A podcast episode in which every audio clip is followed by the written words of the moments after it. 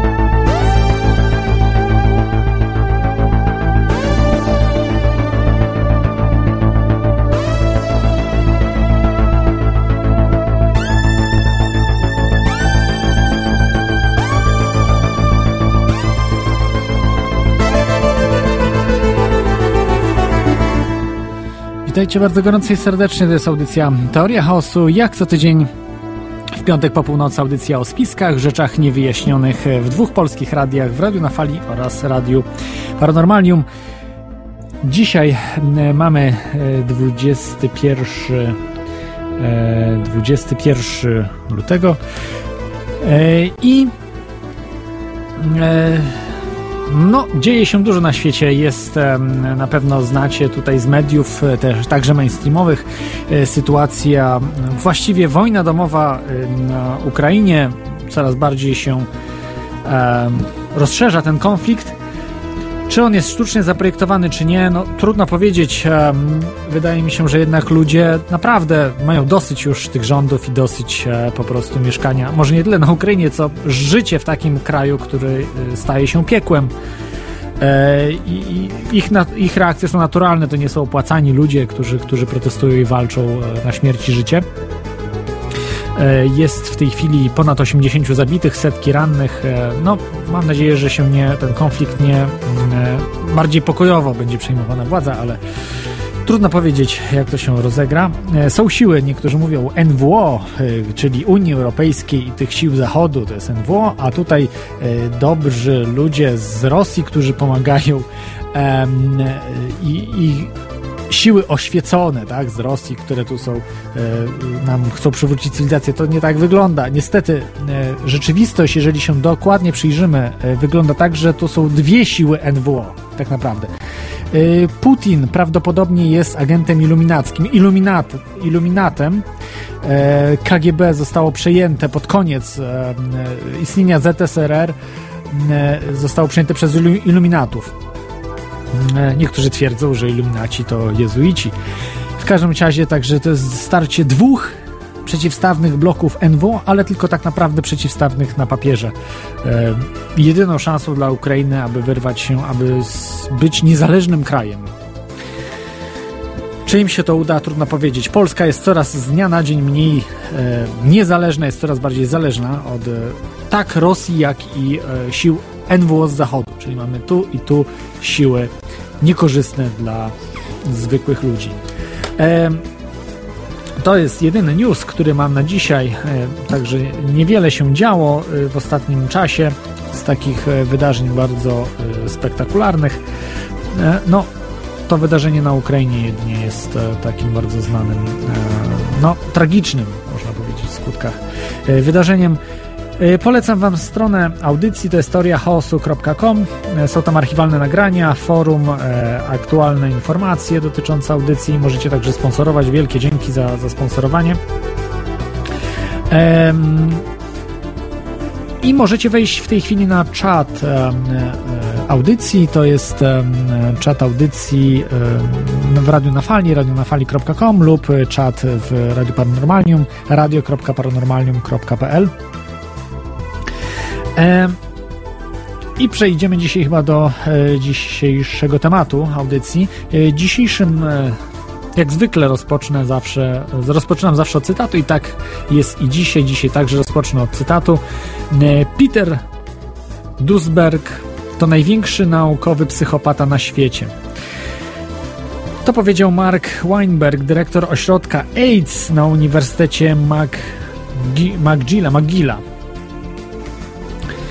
E, kto to jest Peter Dusberg, to powiemy sobie jeszcze. E, natomiast cytat jest ciekawy, że mm, nie wiem, co to znaczy naukowy psychopata. E, czyli ktoś taki chyba jak z filmu Doctor Strangelove Stanleya Kubricka, który chce po prostu wszystko i wszystkich zamordować dookoła. No, taki nihilista totalny. Nie wiem, trudno powiedzieć, E, czy chodzi właśnie o takiego naukowca, ale to, na, to już o tym wie pan Mark Weinberg. Można powiedzieć tak, że akurat o nim psychopatyczny zwolennik terapii AIDS i wszystkiego, co jest związane absolutnie bez prawa krytyki. On uważa, że wszystkich krytykantów należy zamknąć do obozu reedukacji. I dzisiaj mamy temat właśnie AIDS, choroba dwudziestowiecznej medycyny. Temat dwuznaczny, bo wiadomo, że e, choroba AIDS jest e, to choroba jakaś, nie wiadomo co powoduje. No, niektórzy mówią, że wirus HIV, za chwilkę do tego przejdziemy. Natomiast e, czy to jest choroba wymyślona, czy prawdziwa? Dzisiaj powiemy sobie o tym. Bardzo kontrowersyjny temat. E, ja niestety muszę zazwyczaj zabierać jakieś zda zdanie w audycji, czy tak, czy nie. Postaram się dzisiaj być jakoś bardziej wyważony e, w różnych ocenach, bo y, nie znam się kompletnie na tym, od razu się przyznam, na medycynie, na tych sprawach. To są bardzo zaawansowane sprawy. E, będę się opierał raczej na naukowcach negatywistach, czyli ludziach, którzy no, mają tytuły naukowe, znają się na rzeczy i e, po prostu argumentują, dlaczego na przykład e, AIDS niekoniecznie jest wy, wywoływane przez e, wirusa HIV.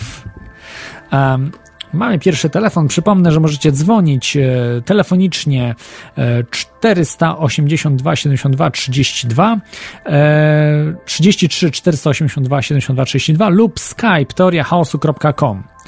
E, mamy pierwszego słuchacza. E, jest z nami e, stały słuchacz. Dzień dobry. Witaj stały Jak słychać? Tak, bardzo dobrze. Witaj stały słuchaczu. Dzień dobry, bo już nie mogłem się wcześniej tego nie dodzwonić. Nie wiem dlaczego pani nie odbierał. Coś, coś e, dziwnego było. W zeszłym tygodniu był problem z telefonem, nie, nie był dostępny telefon. Ani przez Skype, ani przez telefon się nie mogłem dodzwonić. Hmm, przez Skype'a to dziwne. No, Skype wiadomo, jak działa w tej chwili, jest system scentralizowany. Kiedyś był rozproszony, czyli bezpośrednio mogliśmy się łączyć. Natomiast dzisiaj jest tak zrobiony Skype, że łączymy się przez serwery w Stanach Zjednoczonych, czyli przez serwery Microsoftu gdzieś tam w Stanach i to wszystko powoduje no, różne, różne komplikacje. Y, chciałem, bo to y, y, jak tam mówił, że szczepionka to jest czyste zło.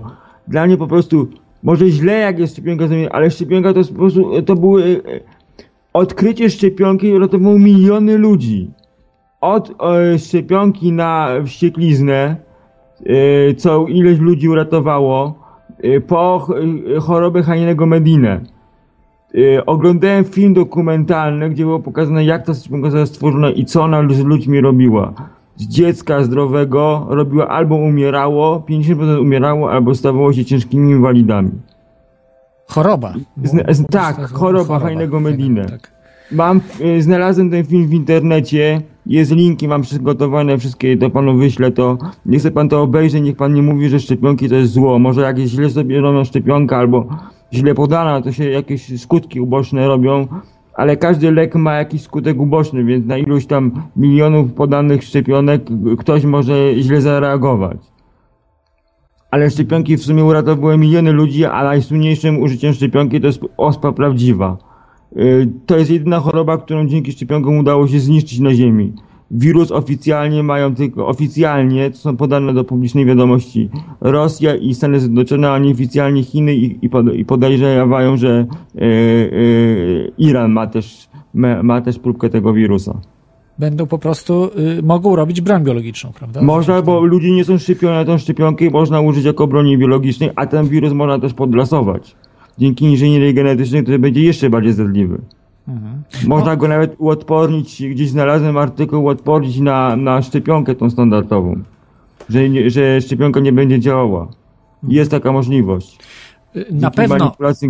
To, y, to myślę, ja nie będę się spierał z tymi sprawami, bo naprawdę nie znam się na I znalazłem na y, kilka minut googlowania i znalazłem zdjęcia wirusu. Chodziło tylko, y, bar, bardzo bym tak chciał właśnie o szczepionkach, chodziło, żeby obowiązkowość szczepień, prawda, że tutaj po, po, powinna być dyskusja, bo czy one są szkodli, znaczy szkodliwe, no wiadomo, że w jakimś stopniu są, ale także, tak jak tutaj mówisz to słuchaczu, że mają pozytywne cechy. Gdyby nie szczepionki, to, to życie, żeby były dobrowolne po prostu, żeby żeby, nie, żeby nie, ludzie nie, sami decydowali o swoich dzieciach i o sobie. Ale nie, jest taka zasada.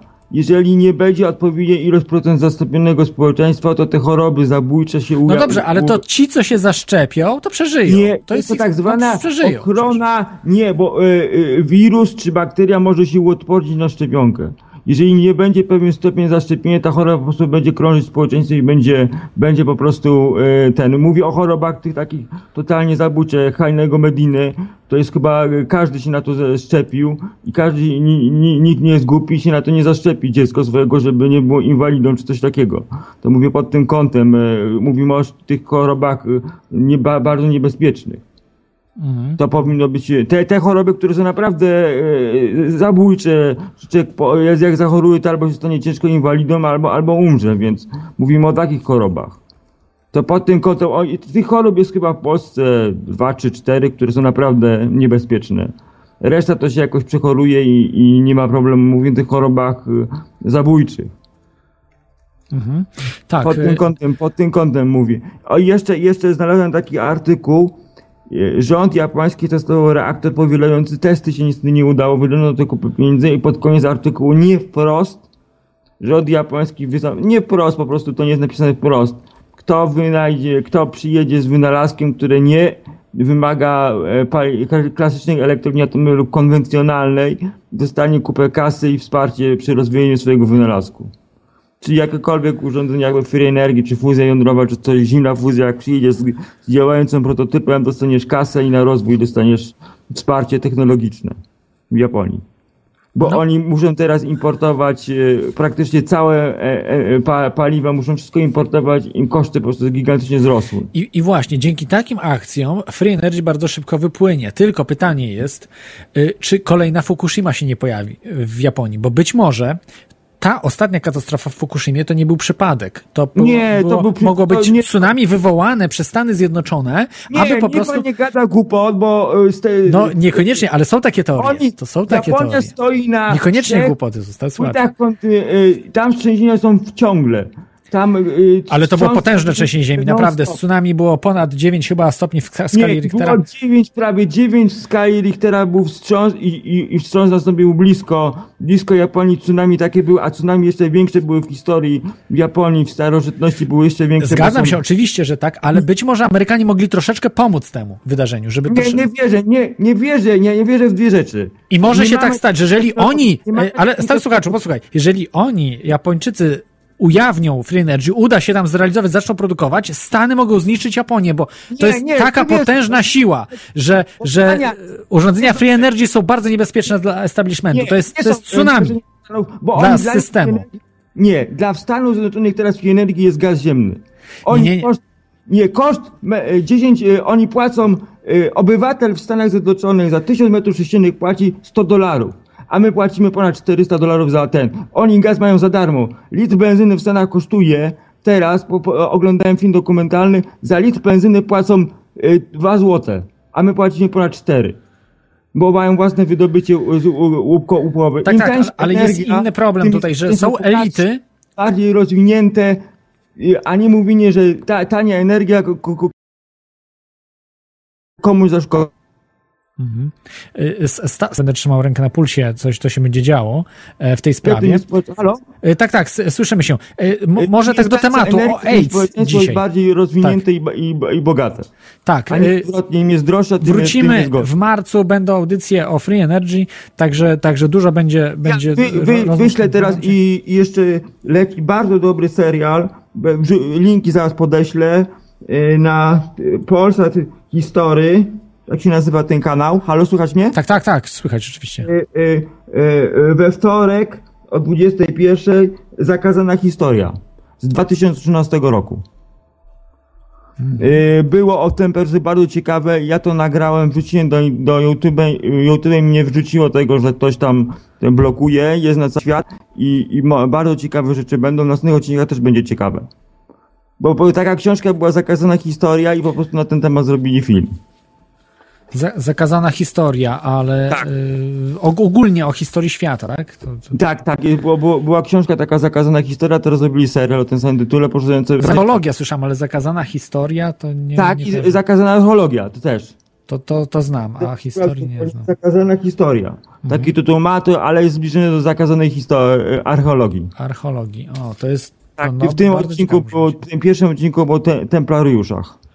Aha. Nie no, archeologia to jest o dużo, dużo starszych y, czasach. To jest o, o Wiem, wiem, ale... milion ale, lat temu, y, pięć milionów lat temu, Po 10 Templariuszach. milionów, tak tak y, co jeszcze? I jeszcze wysłałem, mam artykuł o sposobach magazynowania energii elektrycznej w postaci różnych chemicznych rozwiązań. Najmniej efektywnym sposobem, bo tam jest rozpisana sprawność, koszty. Y, Halo? Tak, tak, tak, słyszymy się, Y, oczywiście, nie ma koszty cenzury. I, i naj, najmniej sprawnym sposobem magazynowania energii na dzisiaj to jest magazynowanie w postaci wodoru.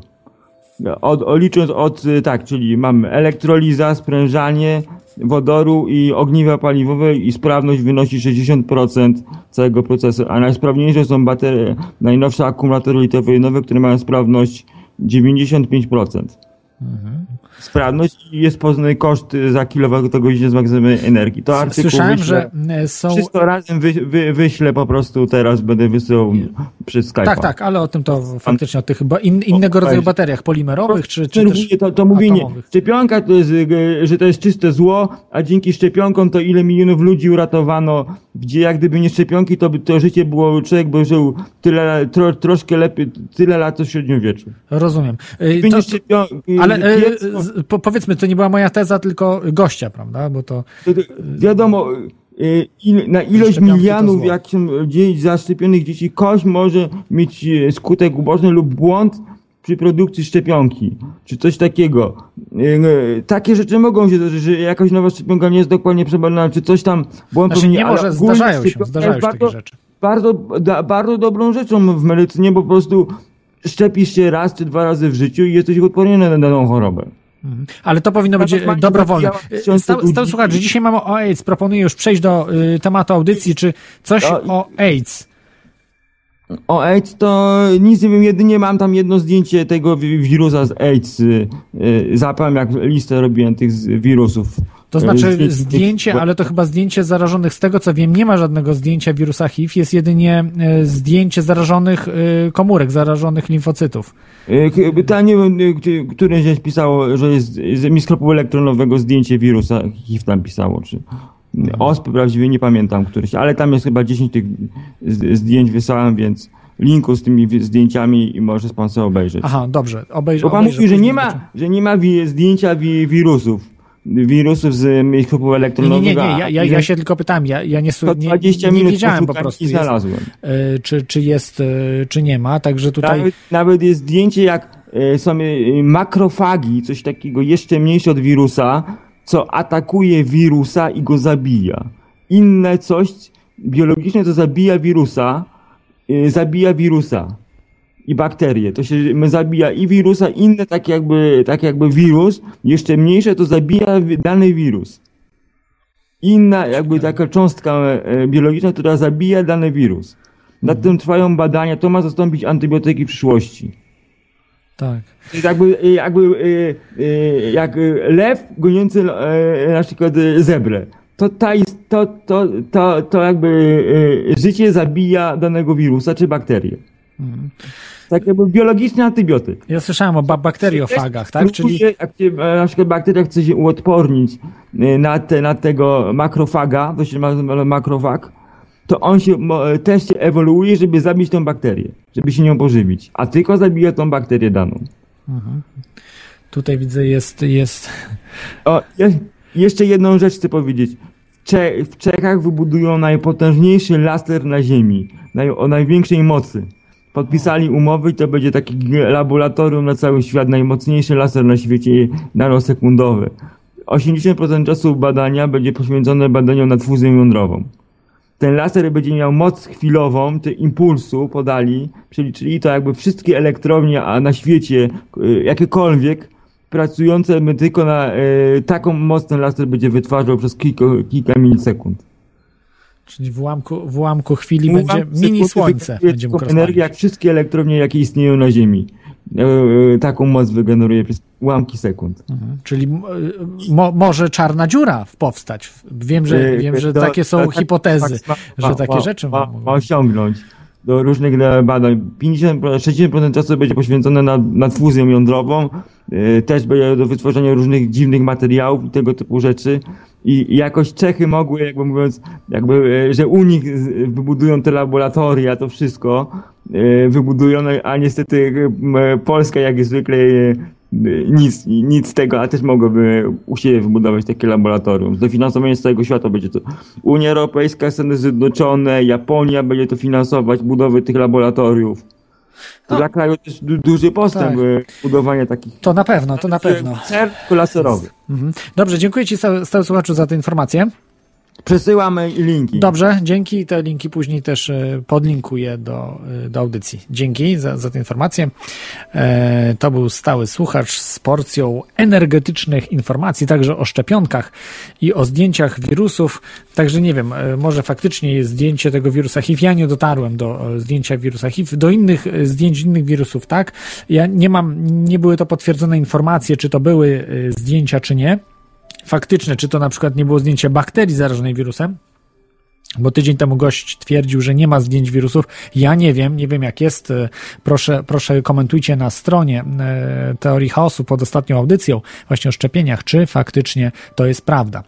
E, odbiorę jeszcze, jest z nami e, Armor Cage. Witaj Armor Cage'u. Witam, witam wszystkich serdecznie. Witam Ciebie, Klodzie. Ja tak przepraszam, troszeczkę chciałem się też trącić odnośnie poprzedniej audycji. Tak?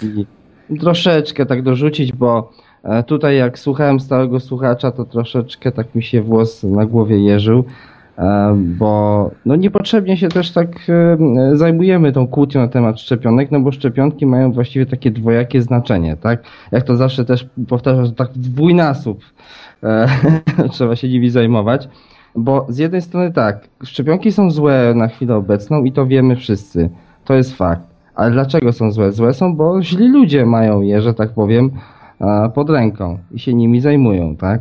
Ludzie, którzy są za depopulacją, za, za, za tym, żeby zarabiać na naszych chorobach.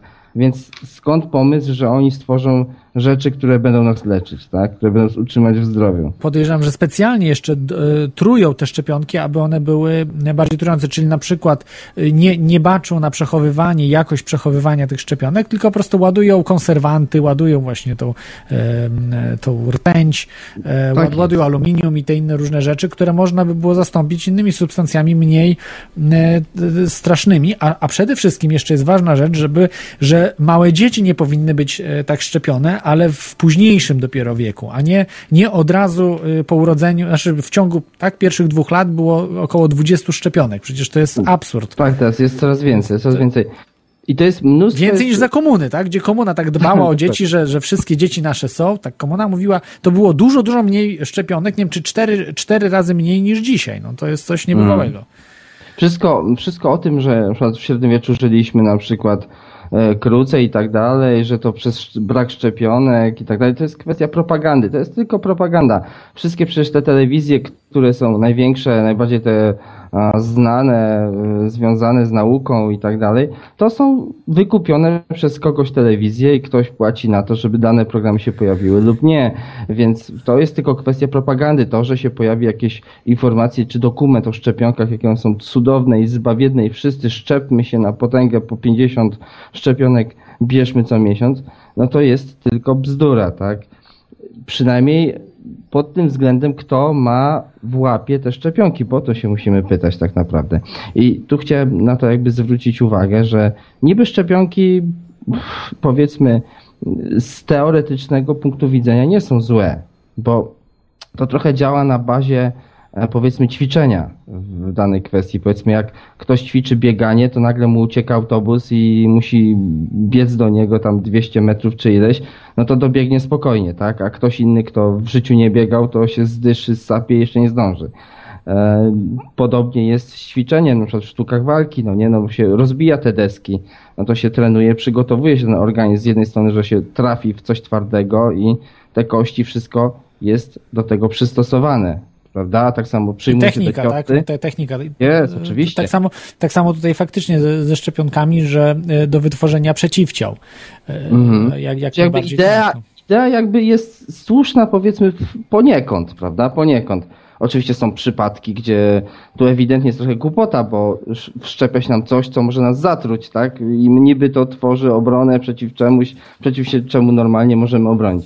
No ale już pomijając to, idea jakby jest w miarę taka słuszna, chociaż zależy pod jakim względem, ale nie można wierzyć tej całej propagandzie, że to jest takie cudowne i zbawienne, bo patrzmy na to, kto ma na tym rękę. To jest najważniejsze. I to się nie ma co kłócić, nie ma co wymyślać. Ostatnio słuchałem oczywiście o e, poprzedniej audycji, bardzo mi się podobało to, co e, gość mówił, bardzo fajnie. E, oczywiście trochę szkoda, bo w pewnym mm, odnośnie wirusów tak troszeczkę, tak jakby odleciał. Tak troszeczkę. Oczywiście ja go nie oceniam źle, ja też nie widziałem powiedzmy e, oryginalnie żadnych wirusów pod mikroskopem, ani też nawet bakterii pod mikroskopem nie oglądałem, więc ja tu w żaden sposób go nie chcę oceniać, czy coś w tym stylu, że ja wiem lepiej, czy coś w tym stylu, ale są pewne rzeczy, na przykład, no nie wiem, ja nie okrążyłem Ziemi dookoła, e, to nie mogę stwierdzić, że jest okrągła, a to nie znaczy, że jak są filmy, to jest ściema, że Ziemia jest okrągła, tak? Na YouTubie można sobie znaleźć spokojnie filmik, gdzie dziewczyna przekonuje o tym, że Ziemia jest płaska i to jest jedna wielka ściema, tylko dlatego, że soczewka się tam rybiego oka stosuje i różne takie rzeczy, że obracamy się z prędkością szybszą od dźwięku, jeżeli chodzi o planetę, biorąc pod uwagę nasz obrót, no nie, wokół własnej osi, że jest szybsza od dźwięku, a przecież normalnie się poruszamy na tym, tak?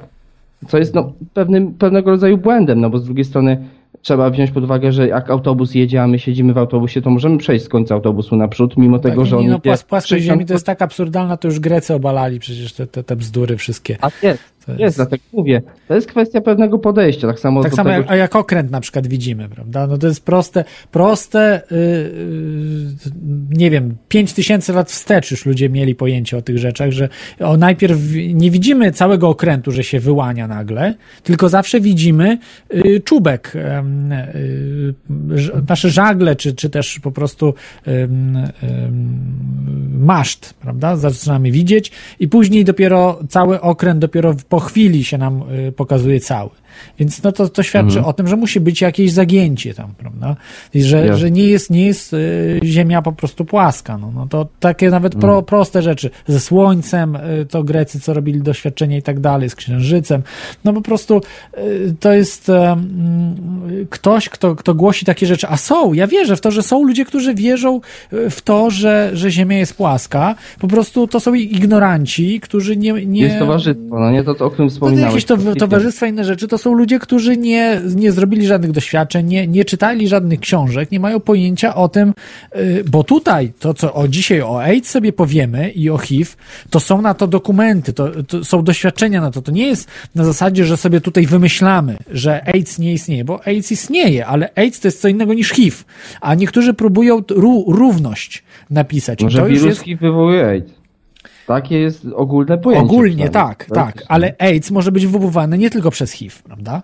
Mm. Na, tak naprawdę y, chociażby y, często rak, ja, czy ja jakieś tylko... choroby immunologiczne. Mhm, ja tylko jeszcze dorzucę, powodują do też chciałem zakończyć, bo, mhm. bo nie chcę już do tego wracać, do tych szczepionek.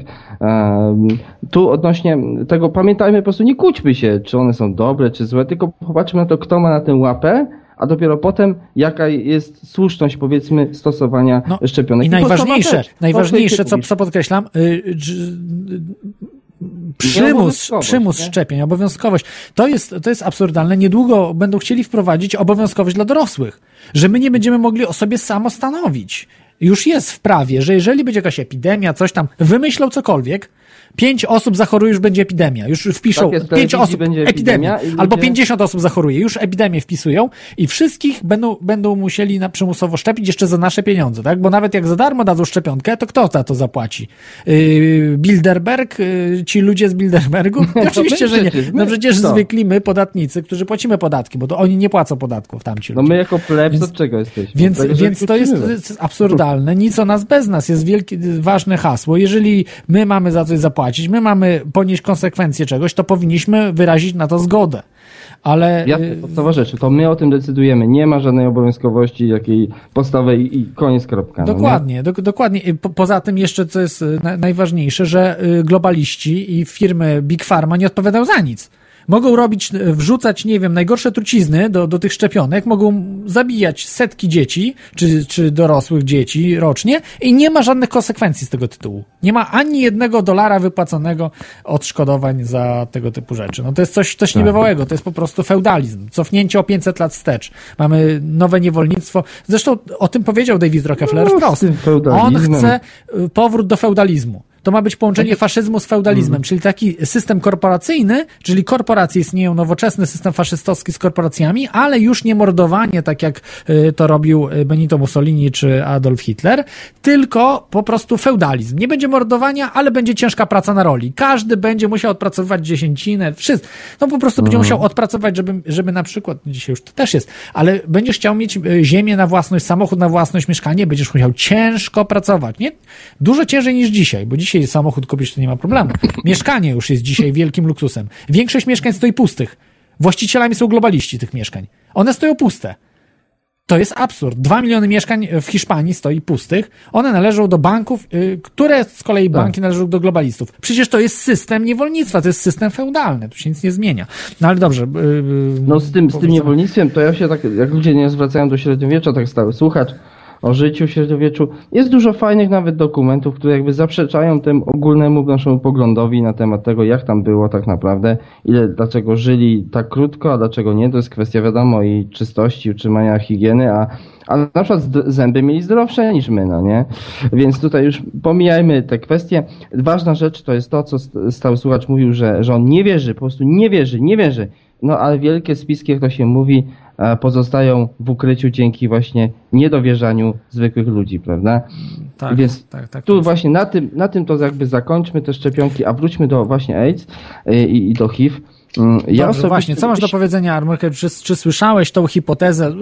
Ja kiedyś słyszałem, zawsze, zawsze traktowałem ją tak trochę śmiesznie, ale jak zacząłem studiować temat, to już mi troszeczkę mina y, zrzedła, że jednak coś y, jest na rzecz, aczkolwiek mam ambiwalentny do tego stosunek, sam nie wiem, y, tu muszę się y, przyznać, czy faktycznie HIV wywołuje AIDS? Czy jest to Znaczy, ja, ja muszę ci powiedzieć, że ja osobiście też kiedyś trafiłem na a, podobny temat typu, że to jest e, jakaś ściema i spisek. I teraz tak, na to patrzyłem troszeczkę tak z przymrużeniem oka, no bo ci wszyscy homoseksualiści jakoś poumierali, no różne tam jakieś choroby, te problemy z odpornością i tak dalej, więc myślałem, że coś w tym jest. E, Z drugiej strony, jak zacząłem czytać jakieś informacje odnośnie tego, jak powstał ten wirus, typu, że oni tam gdzieś z małpami coś kombinowali, jakiś lek na coś, że małpy akurat podobne były, no to potem się ten wirus gdzieś przeniósł, nie wiadomo jak, na ludzi i, nagle okazało się, że jest jakiś wirus HIV i on wywołuje AIDS. I jak zacząłem czytać te różne opisy tego teoretycznie oficjalne, to, to wszystko tak się nie trzymało kupy. Wszystko wskazywało na to, że to jest jakoś celowo stworzony powiedzmy, czy wirus, czy, czy, czy choroba, mm, która też y, gdzieś potem szukałem informacji. Okazało się, że była homoseksualistą i, i ludziom czarnym e, specjalnie podawano na przykład w szczepionkach albo w czymś takim na inne choroby. Tak? E, Osobiście za bardzo informacji nie mam. A za późno troszeczkę sprawdziłem, jaka jest audycja, wtedy bym przejrzał te różne pozbierane przeze mnie filmy na temat e, tego typu rzeczy.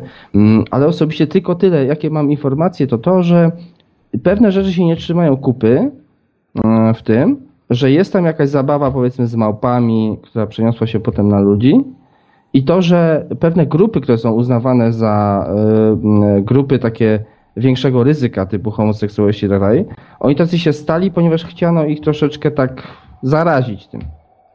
I, i to właściwie tyle, co, co wiem tak konkretnie na ten temat, może być tak ciężko powiedzieć, że konkretnie.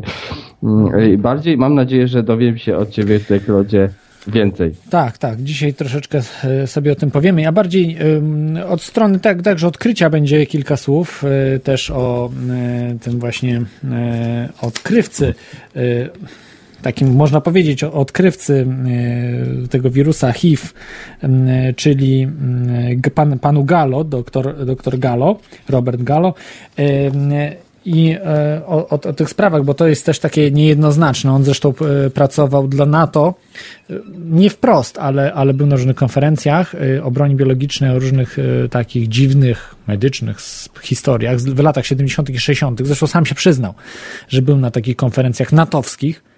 Co, co ma NATO wspólnego z konferencjami medycznymi, wojskowymi, zresztą organizowanymi pod auspicjami NATO? Także to jest bardzo dziwna persona. I być może właśnie coś jest na rzeczy, że tak naprawdę y, po prostu HIV y, nie istnieje. No ale AIDS istnieje. Mhm. To, to raczej, raczej możemy się co do tego chyba zgodzić wszyscy, że jest zespół y, nieodporności organizmu. To, to, to jest taka choroba, prawda? Ale pytanie, co powoduje tą chorobę, to jest. Tak, tak. Jak to wtedy zwalczyć? E, to jest odpowiedzieć, tak. No, to jest zwalczyć. Tak. Ja właśnie mm, tak się wtrącę troszeczkę odnośnie niezależnej telewizji i różnych takich informacji, gdzie tam są jakieś podawane. Jak tam też ludzie, którzy wyszli na przykład z jakiegoś stwardnienia nasionnego i tak dalej, zaczynali opowiadać różne rzeczy, że oni e, interesowali się tym, skąd, jak to powstaje i zaczynali się interesować, na przykład, czy, czy poddawali się jakimś badaniom i operacjom, które kompletnie by związane niby teoretycznie według głównego nurtu z tą chorobą. No nie? Gdzieś tam jakaś drożność, nie wiem, jak to było żył czy coś, bo przy stwardnieniu rozsianym ktoś sobie zrobił i nagle zaczął wychodzić ze stwardnienia rozsianego. A lekarze się nagle oburzyli, kto mu w ogóle pozwolił zrobić sobie jakąś operację czy coś. On Właśnie tutaj co, co, takie leki przyjmować. Tu miał te... absurd. Jak można komuś e, poz, pozwalać czy nie pozwalać na, na coś takiego? Przecież to jest... E, każdy powinien decydować o sobie. Jeżeli o sobie, każdy powinien móc robić co, co chce z własnym ciałem. No to odróżnia nas od niewolnika, tak? Jeżeli, jeżeli chcę popełnić samobójstwo, to popełniam samobójstwo, prawda? Nie chce mi się żyć na tym świecie. Jeżeli chce sobie ta, wytatuować ciało, to sobie tatuuje ciało, tak? To nie, państwo nie jest właścicielem człowieka, mnie na przykład, czy kogokolwiek. Czas niewolnictwa się skończyły, więc, więc y, powinniśmy tego bronić, żeby absolutnie każdy mógł sobie y, medycznie eksperymentować na sobie jakby chciał po prostu. Co innego na innych osobach, bo dziś jest odwrotnie, że sam człowiek na sobie nie może, ale koncerny Big Pharma mogą już na tobie eksperymentować, prawda? To jest legalne. To jest absurdalne. Jeszcze nic nie powiedział. To tak z tym, z tym żartem takim, że lekarz spotyka starą pacjentkę i tak kobieta mówi, o panie doktorze, jak miło pana widzieć. O, miło mi, a co u pani męża? A, no wie pan, no umarł w zeszłym tygodniu. Ojej, to niedobrze, niedobrze. A brał te leki, co mu przepisałem? Tak, brał, panie doktorze, brał. I co się działo po nim? No dużo się pocił, tak? Dużo się pocił? Dużo się pocił. Dobrze, dobrze, to bardzo dobrze, to bardzo dobrze. No niestety, tak to, tak to dzisiaj wygląda. Także dzięki Ci, Armor Cage. Cage no nic, pozdrawiam, pozdrawiam wszystkich, pozdrawiam Ciebie i trzymajcie się, słucham. Dzięki. E, to był Armor Cage. I przechodzimy teraz do e, już audycji właściwej o AIDS, czyli AIDS, choroba dwudziestowiecznej medycyny. Zacznę może od właśnie historii um, powstania AIDS. Jak to, jak to z tym um, po prostu um, z tym wszystkim było. E, zaczęło się od przypadku właśnie braku odporności u homoseksualistów. To wykryto z tego, co mm, dobrze pamiętam, w Nowym Jorku że ludzie zaczęli zapadać nie masowo, ale, ale były przypadki e, właśnie osób, które e, miały problemy z odpornością organizmu. Pojawiały się różne, dziwne e, choroby wśród akurat grupy homoseksualistów. I w dosyć krótkim czasie po, te, po tych wydarzeniach w niezależnie od siebie, niektórzy twierdzą, że e, e, zależnie, e, wykryto, co powoduje tą, tą chorobę AIDS. Wykryto, że prawdopodobnie jest to wirus, który nazwano HIV, czyli Human Immunodeficiency Virus. E, czyli wirus braku odporności y, u człowieka. Czyli można to jakoś, jakoś powiedzieć bardziej składnie, fachowo, że e, jest to e, wirus wirus zespołu nabytego braku odporności, tak to się fachowo nazywa. U, czyli HIV w skrócie, HIV i myślę, że bardziej znany wszędzie jest pod tym um, rozszerzeniem HIV. Um, dokonał tego um, Robert, profesor Robert Gallo i profesor Luc Montgagnier z Paryża, e, który twierdził w Instytucie Pastera, Ludwika Pastera, że pan e, Robert Gallo e, raczej, raczej skradł te rzeczy, po prostu no, jakoś badania i, i to wszystko, ale to już, to, już, to już zostawmy. W każdym razie podzielono, uzgodniono, że podzielono między siebie e, to odkrycie, że, e, że wirus HIV e, po prostu powoduje zespół nabytego niedoboru odporności do dzisiaj, z tego co czytałem i widziałem w internecie, widziałem, czytałem, nie wyizolowano wirusa HIV. Absolutnie nie wyizolowano. Nigdzie. Ani żadne testy, ani nie powstała szczepionka, co ciekawe. Jeżeli byśmy mieli wirusa HIV, to przecież moglibyśmy go namnożyć na komórkach i robić szczepionki z tego nie ma, nikt nie wyizolował wirusa HIV. To jest bardzo dziwne. Y, może się zmieniło ostatnio coś, ale, ale z tego co wyczytałem, nie ma szczepionki. Chyba, że ktoś ma jakąś lepszą wiedzę, że taka szczepionka jest.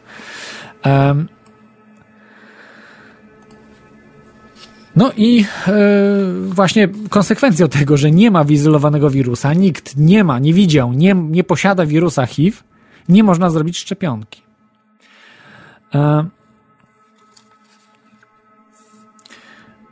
Dodatkowo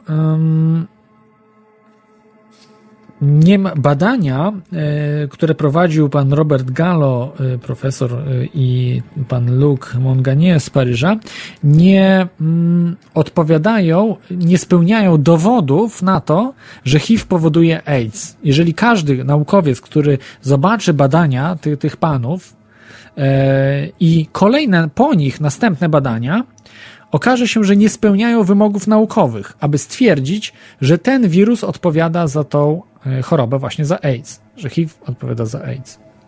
E, to nie są moje słowa, to są słowa innymi niejakiego Petera Duisberga, e, Duisberga, biologa, bardzo znanego naukowca, negatywistę, jak to się go dzisiaj określa, e, który no, ma duże problemy przez to, że tym negatywistą e, jest.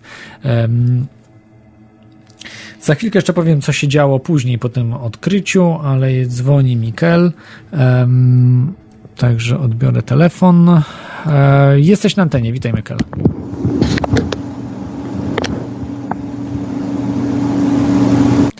No niestety jakieś same szumy. Jeśli możesz, nie słuchaj w radiu, bo niestety no nic, nic, same szumy są, nic nie słychać. E, także w mm, to było w 1981 roku, właśnie ten, ten pierwszy hom, nieszczęsny homoseksualistów, właściwie um, czterech, którzy umierali właśnie na mm, ten zespół braku odporności nabytego, e, nie, zespół mm, nabytego nie, niedoboru odporności. E, no, później wyizolowano wirusa HIV, a później stworzono całe terapie, leki, które mm, w 1987 roku już były gotowe, już ludzie mogli przyjmować ta cała, mm, można powiedzieć, rozwój całej pandemii, bo można tak już określić, że jest to pandemia, jeśli chodzi o jeśli chodzi o AIDS. Mamy właśnie E, rozwój tych zachorowań i, także i śmierci. E, ro, rosły wykrywalność, e, no, zrobiono na początku test, który bazuje, test bazuje na um, test bazuje na przeciwciałach wytwarzanych przeciwko wirusowi HIV, a nie nie na wykrywaniu samego wirusa HIV. Jest 30, dzisiaj 30 testów na HIV i on jest niejednoznaczny. Może na przykład wykryć e, u kogoś HIV, kto nie ma HIV-a i yy, odwrotnie nie wiem, czy jest, czy, czy ktoś jak ma HIV może wykryć, że nie ma HIV-a. To jest po prostu bardzo często loteria, także trzeba zawsze robić kilka testów yy, i yy, no, bardzo ostrożnie podchodzić do testów też tych na, na, na wirusa HIV. I też robić trzeba sobie co jakiś czas, czyli nie na zasadzie, że raz zrobiliśmy, mamy już, że jesteśmy pozytywni i, i, nie robimy i wiemy, że pozytywni, więc nie musimy robić testów, tylko e, właśnie powtarzać te testy i sprawdzać, czy faktycznie to jest coś na rzeczy, że cały czas mamy te przeciwciała. E, tu jest właśnie historia, że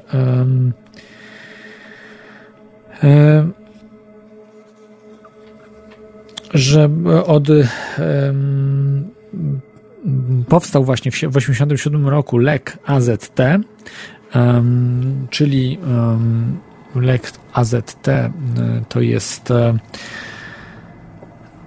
azydotimidyna, który jest bardzo silnym lekiem, powoduje na początku lat 2000 określono, że ten lek e, powoduje więcej śmierci niż samo AIDS jest tak ryzykowny. E, jest bardzo, bardzo wyniszcza organizm. E, zamienia się ten lek e, na inne mm, leki bardzo często. Bierze się też z, mm, stosuje się terapię mieszanych leków. Ten lek ma różnie, różne inne nazwy. Azydotymidyna, nazywany też jest retrowir, zidowudinę, zidowudyna i to jest organiczny związek pochodzenia tymidyny, czyli kwasu nukleotydowego. Może się mylę, że to nie jest kwas. No, nie, tymina. Tymidyna to jest coś innego przepraszam, to jest. Um, także w każdym razie ten, e, ten lek powoduje um, bardzo silne niszczenie komórek, um, bardzo silne niszczenie wręcz organów, no, zatrucie wątroby. Bardzo często y, objawia się zatruciem wątroby. Y, zatruciem organizmu, e, nawet dochodzi do bardzo potężnych wyniszczeń organizmu, jakie są przeprowadzone podczas chemioterapii. Czy ludzie tracą bardzo na wadze, do kilkudziesięciu procent wagi mogą nawet e, no, stracić. E, bardzo wyniszcza no, cały organizm generalnie, więc jest to naprawdę bardzo, bardzo silny lek. Powiemy sobie jeszcze później o tym leku, że y, w Stanach Zjednoczonych jest istna histeria na temat AIDS i y, tutaj mm, naprawdę ktoś, kto głosi tego typu rzeczy, że mm, AIDS nie jest powodowany, czy niekoniecznie jest powodowany przez HIV, że nie ma na to dowodów i być może jest to po prostu wielkie oszustwo, y, no jest mm, w dużym sensie może być no jeszcze do więzienia nie, jeszcze te osoby do więzienia nie trafiają, natomiast może być taka osoba e, jak najbardziej wyrzucona z uczelni, czy też e, po prostu może otrzymać wilczy bilet, jeśli chodzi o karierę naukową, czy też badania.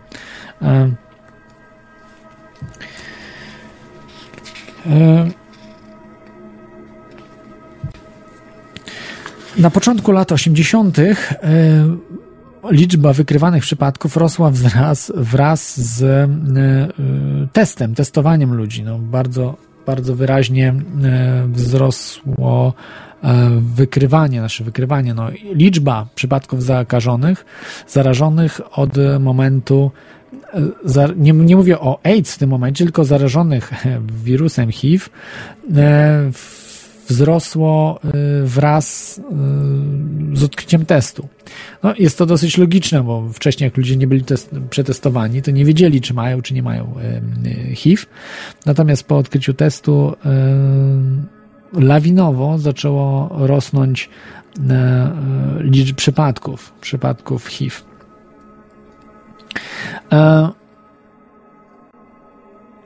I ros, liczba mm, zdiagnozowanych e, przypadków rosła aż do roku 93, kiedy był szczyt. Praktycznie 80. Tutaj źle widzę, ale e, najwięcej, najwięcej przypadków zdiagnozowanych e, właśnie było w roku 93. E, liczba śmierci z tego tytułu też rosła e, i później zaczęło to wszystko spadać od 90 jakiegoś 6 roku. E, I w tej chwili jesteśmy na poziomie powiedzmy roku 86-7. To jest tak gdzieś w liczbie wykrywanych diagnozowanych nowych, nowych przypadków. E, I to jest e, dziwna sprawa, że mm, w tym czasie cały czas e, można powiedzieć, nie zmniejsza się liczba chorych na, na AIDS. Wynosi w tym momencie chorych na AIDS, czy też na nosicieli wirusa HIV trudno określić nosicieli wirusa HIV, bo ich jest naprawdę mnóstwo, ze względu na to, że nie wszyscy są wykryci. E, natomiast e, jeśli chodzi o e, AIDS, to szacuje się, że w, w tym momencie mm, jest gdzie miałem te dane? Za chwilkę, za chwilkę, bo gdzieś tutaj właśnie zginęły mi te dane. Za chwilkę do nich wrócę. No, tutaj mm, powrócę do tych danych. Jeśli chodzi o e, e, liczbę mm, zarażonych e, tą chorobą, natomiast w tym momencie bym chciał powiedzieć może coś o mm, panu Peterze Dusbergu, który y, no, jest chyba takim, taką osobą, która wywołała całą tą dyskusję. Jest najbardziej zagorzałym e, przeciwnikiem e, teorii, że mm, AIDS jest spowodowany przez HIV i mało tego, że HIV jest wirusem, e, no właśnie, no, że wręcz, że HIV istnieje. I to jest myślę bardzo mm, ważna postać. E, pan, pan Peter Duisberg e, jest, jest biologiem, właściwie profesorem biologii, wykładowcą na Uniwersytecie e, Kalifornia w Berkeley. Bardzo znany, jeden z najlepszych na świecie uniwersytetów jest znany z mm, prowadzenia e, badań nad rakiem. E, no, a w tej chwili najbardziej znane jego prace to są te, które są określane jako e, negacja teorii AIDS. I, i jego teorii, że HIV nie powoduje AIDS. No.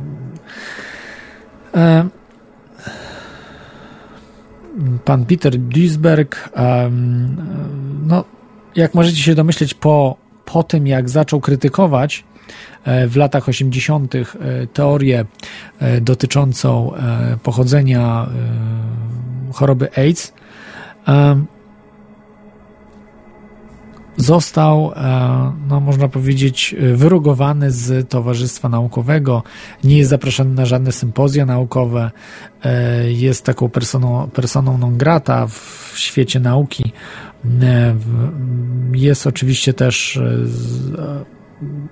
próbowano go wyrzucić z uczelni, niestety no, to, to się akurat nie udało, z tego co co wiem, natomiast bardzo ograniczone jakiekolwiek e, fundusze, którymi dysponuje, nie ma e, możliwości dostania żadnych grantów.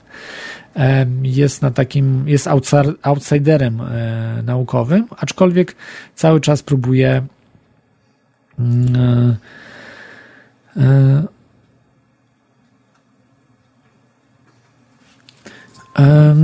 cały czas próbuje no, mówić o tej e, swojej, swoich zarzutach wobec teorii, jakby sprawdzonej teorii, że AIDS jest podawany przez wirus HIV. E,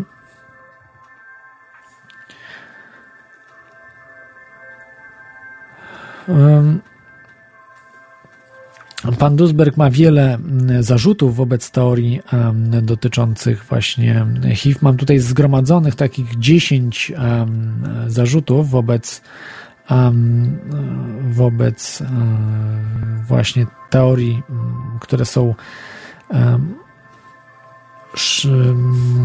rozpowszechnione w świecie naukowym. Może przeczytam je, bo to one są ciekawe, też chyba nie tak łatwo je znaleźć, e, czyli te 10 naukowych faktów przeczących teorii, że HIV jest powodowane, prze, znaczy, przepraszam, AIDS powodowany jest przez e, wirusa HIV. E, I tak, HIV, jak inne wirusy, jest nieszkodliwy po wytworzeniu przeciwciał na tą chorobę. Jeśli mamy test, który wykrywa przeciwciała HIV, to jeżeli organizm ma te przeciwciała, organizm powinien być odporny na HIV.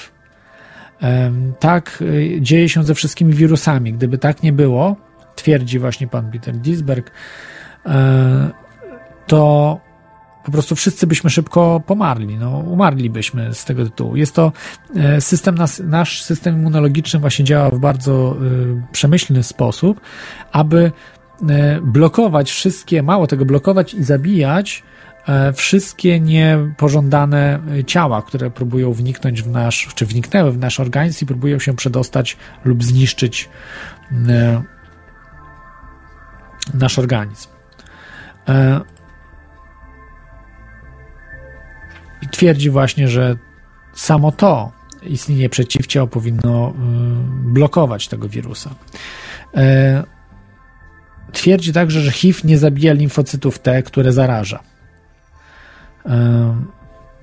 Mówię tutaj, ja nie potrafię tego wszystkiego sprawdzić. Ja e, opieram się na badaniach pana profesora e, Petera Duisberga, że mm, on to dokładnie przedstawia, dlaczego tak jest i, e, i, i, że ma rację akurat. Natomiast możecie sobie to sprawdzić, czy tak faktycznie jest, czy HIV czyli wirus HIV nie zabija limfocytów T, które zaraża, czyli to są um, bakterie, Y, które odpowiadają za system immunologiczny, za ochronę.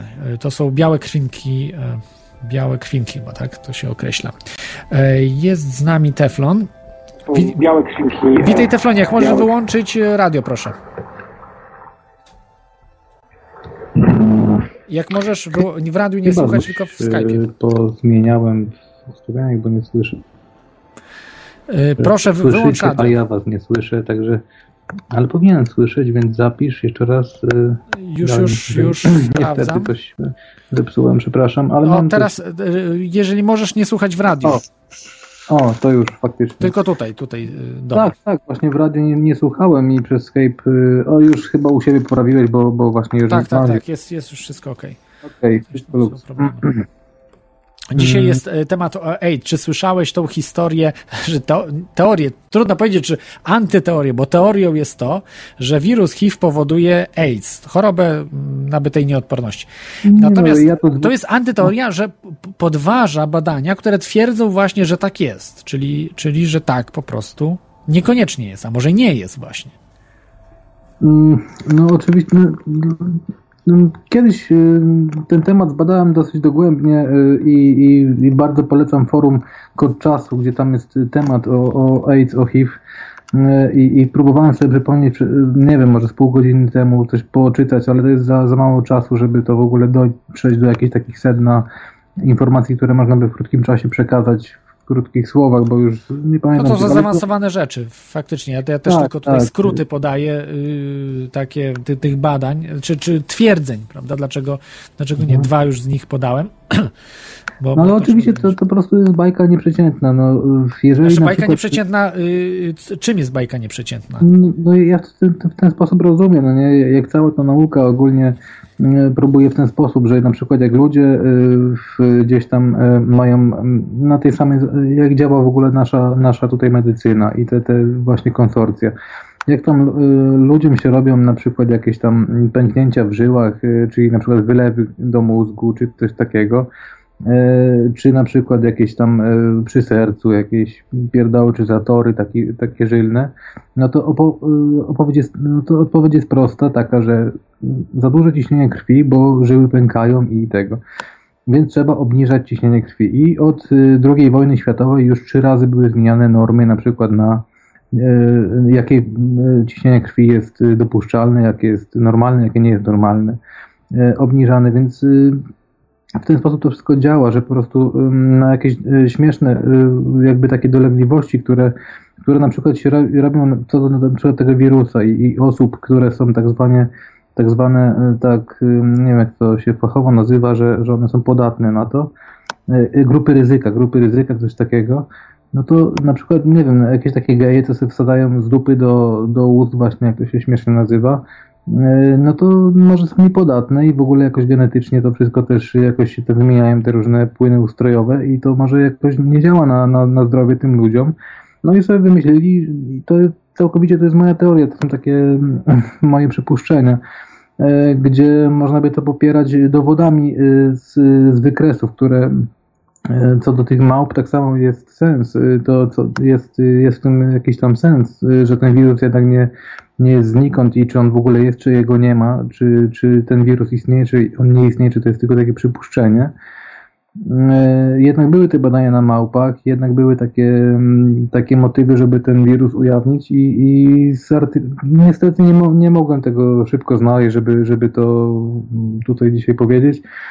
No ale teraz mówię co do takich moich przypuszczeń. Na tej samej zasadzie, jak działa nauka na różnych innych stadiach, że po prostu ciśnienie jest za duże, to trzeba zmniejszać, zmniejszać i, i nie będzie wylewów, trzeba leki na... Okej, okay, ale, ale w, w, tym temacie audycji, czy uważasz, że... E, bo troszeczkę tutaj się pogubiłem. Czy uważasz, że e, HIV że jest możliwe coś takiego, że to jest po prostu jakaś e, no, spisek e, ty, tych e, ludzi, że tak naprawdę nie ma potwierdzonych badań na, na, na to, że HIV powoduje AIDS.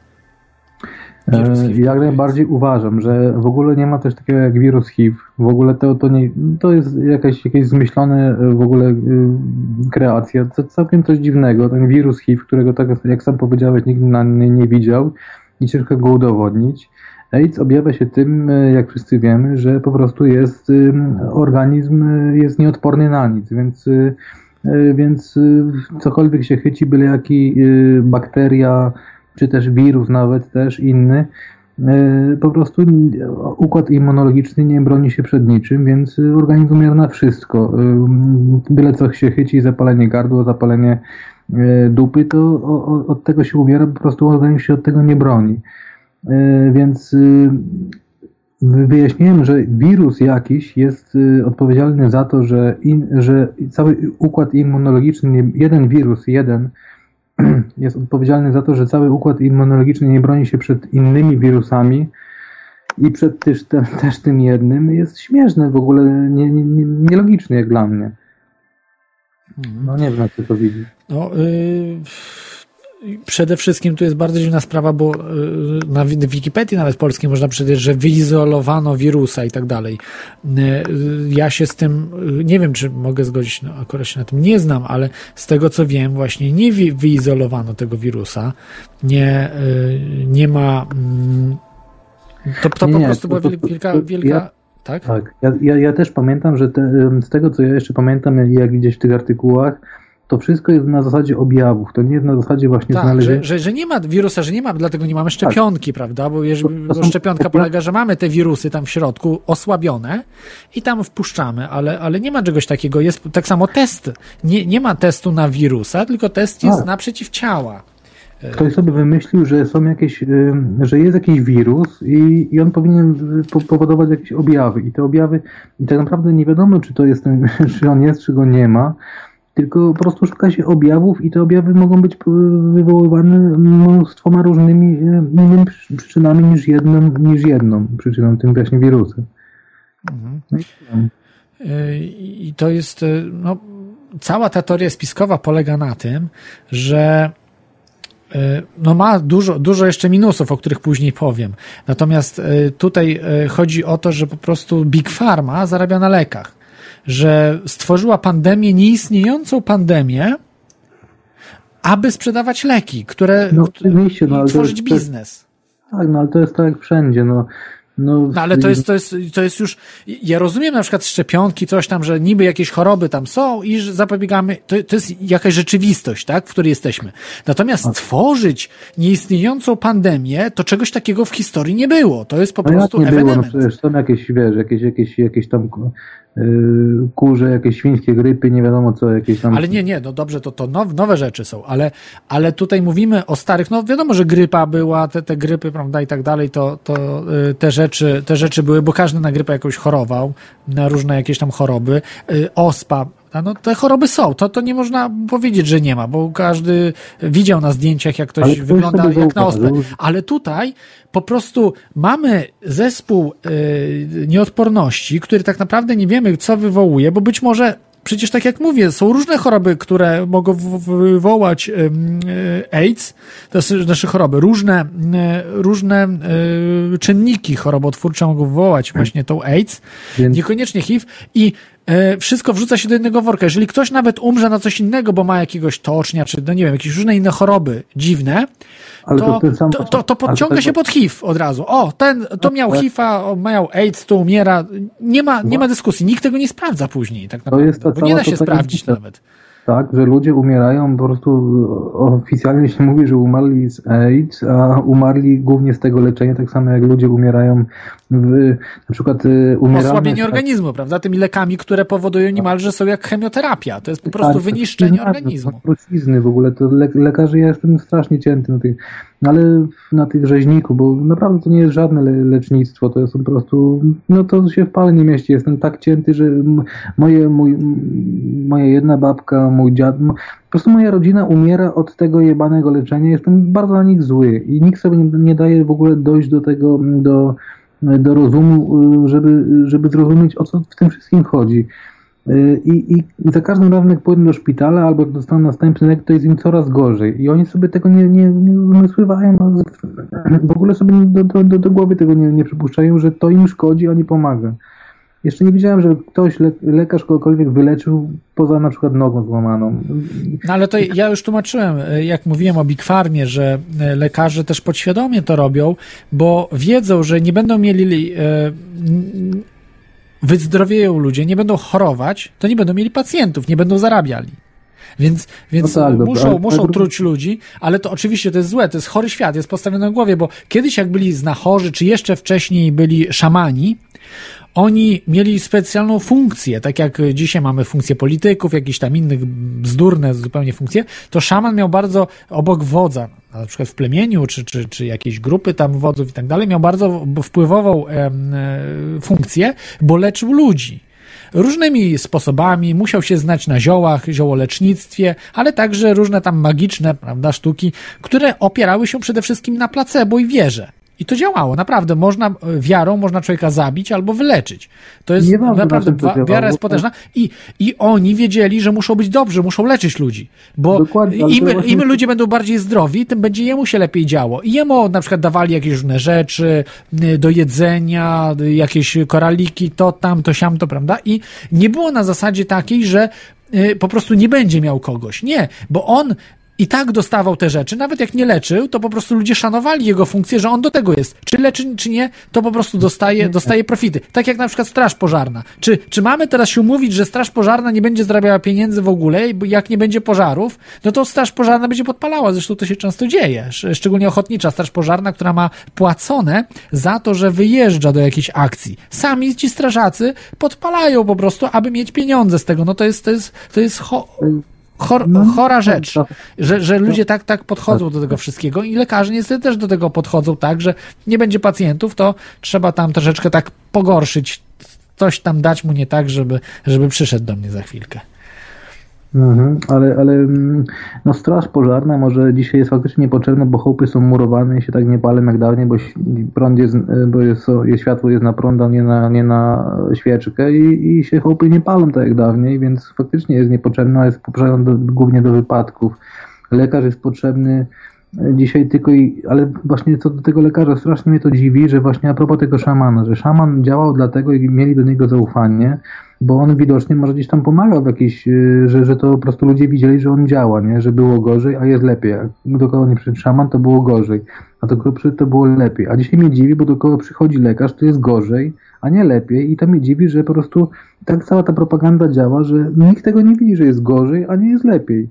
Dlaczego tak? Przecież ja na własne oczy widzę, każdy to widzi, że gdzie, przyjdzie, gdzie nie przyjdzie lekarz, że jakieś trucizny trzeba jeść przez całe życie i cały czas jest z dnia na dzień, z roku na rok jest gorzej, a nie lepiej. No i dlaczego ludzie myślą, że ten lekarz pomaga komuś, jak efektów nie widać? To mnie strasznie denerwuje.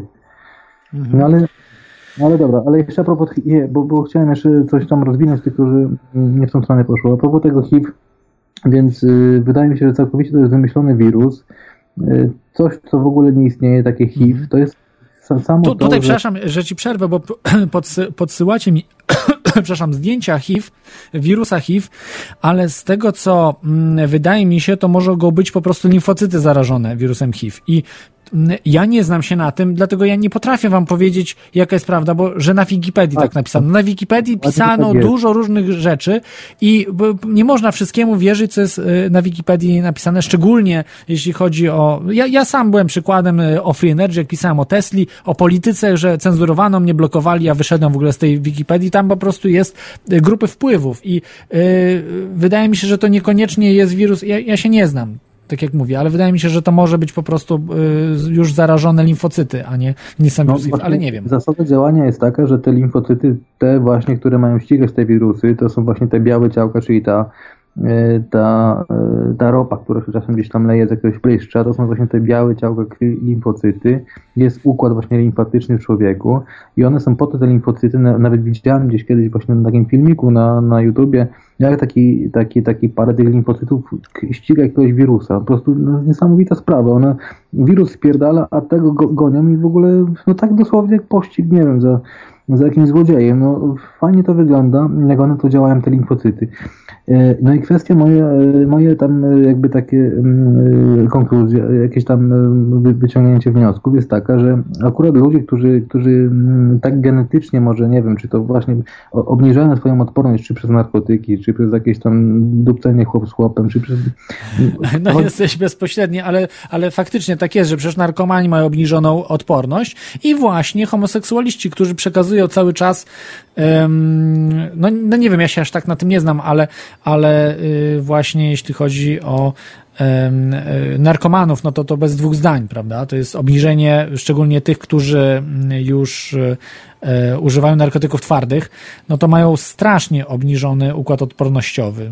Więc to nie jest wina jakiegoś tam śmiesznego wirusa, tylko ogólnie styl życia, no jak się, no nie wiem, no jak się za dużo bije, to, to się może i i potem się źle czuje. No, każdy człowiek jakoś tam organizm reaguje na, na, na wszystkie tam różne no, no, a propos picie, to, to mówię o sobie.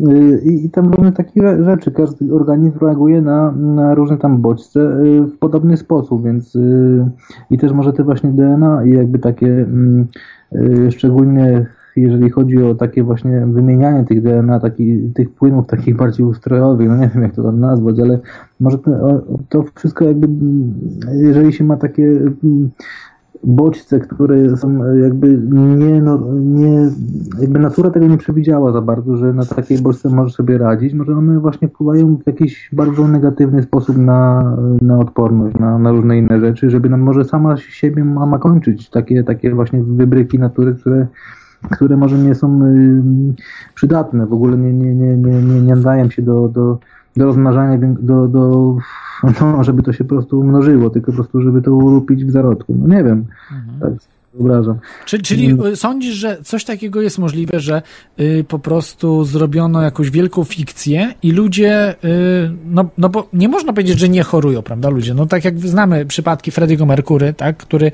który chorował na AIDS i zmarł na, na to AIDS, no był homoseksualistą. No ale właśnie, no tak? no nie wiem, no sobie tam gdzieś umarł, ale nie wiem na co, czy on umarł na te, na te leczenia, tak jak ludzie umierają, nie na raka. No, pytanie, czy brał te leki, bo lek dopiero w 87 roku powstał, no on zmarł w 90 y, albo 95 pierwszym, już nie pamiętam.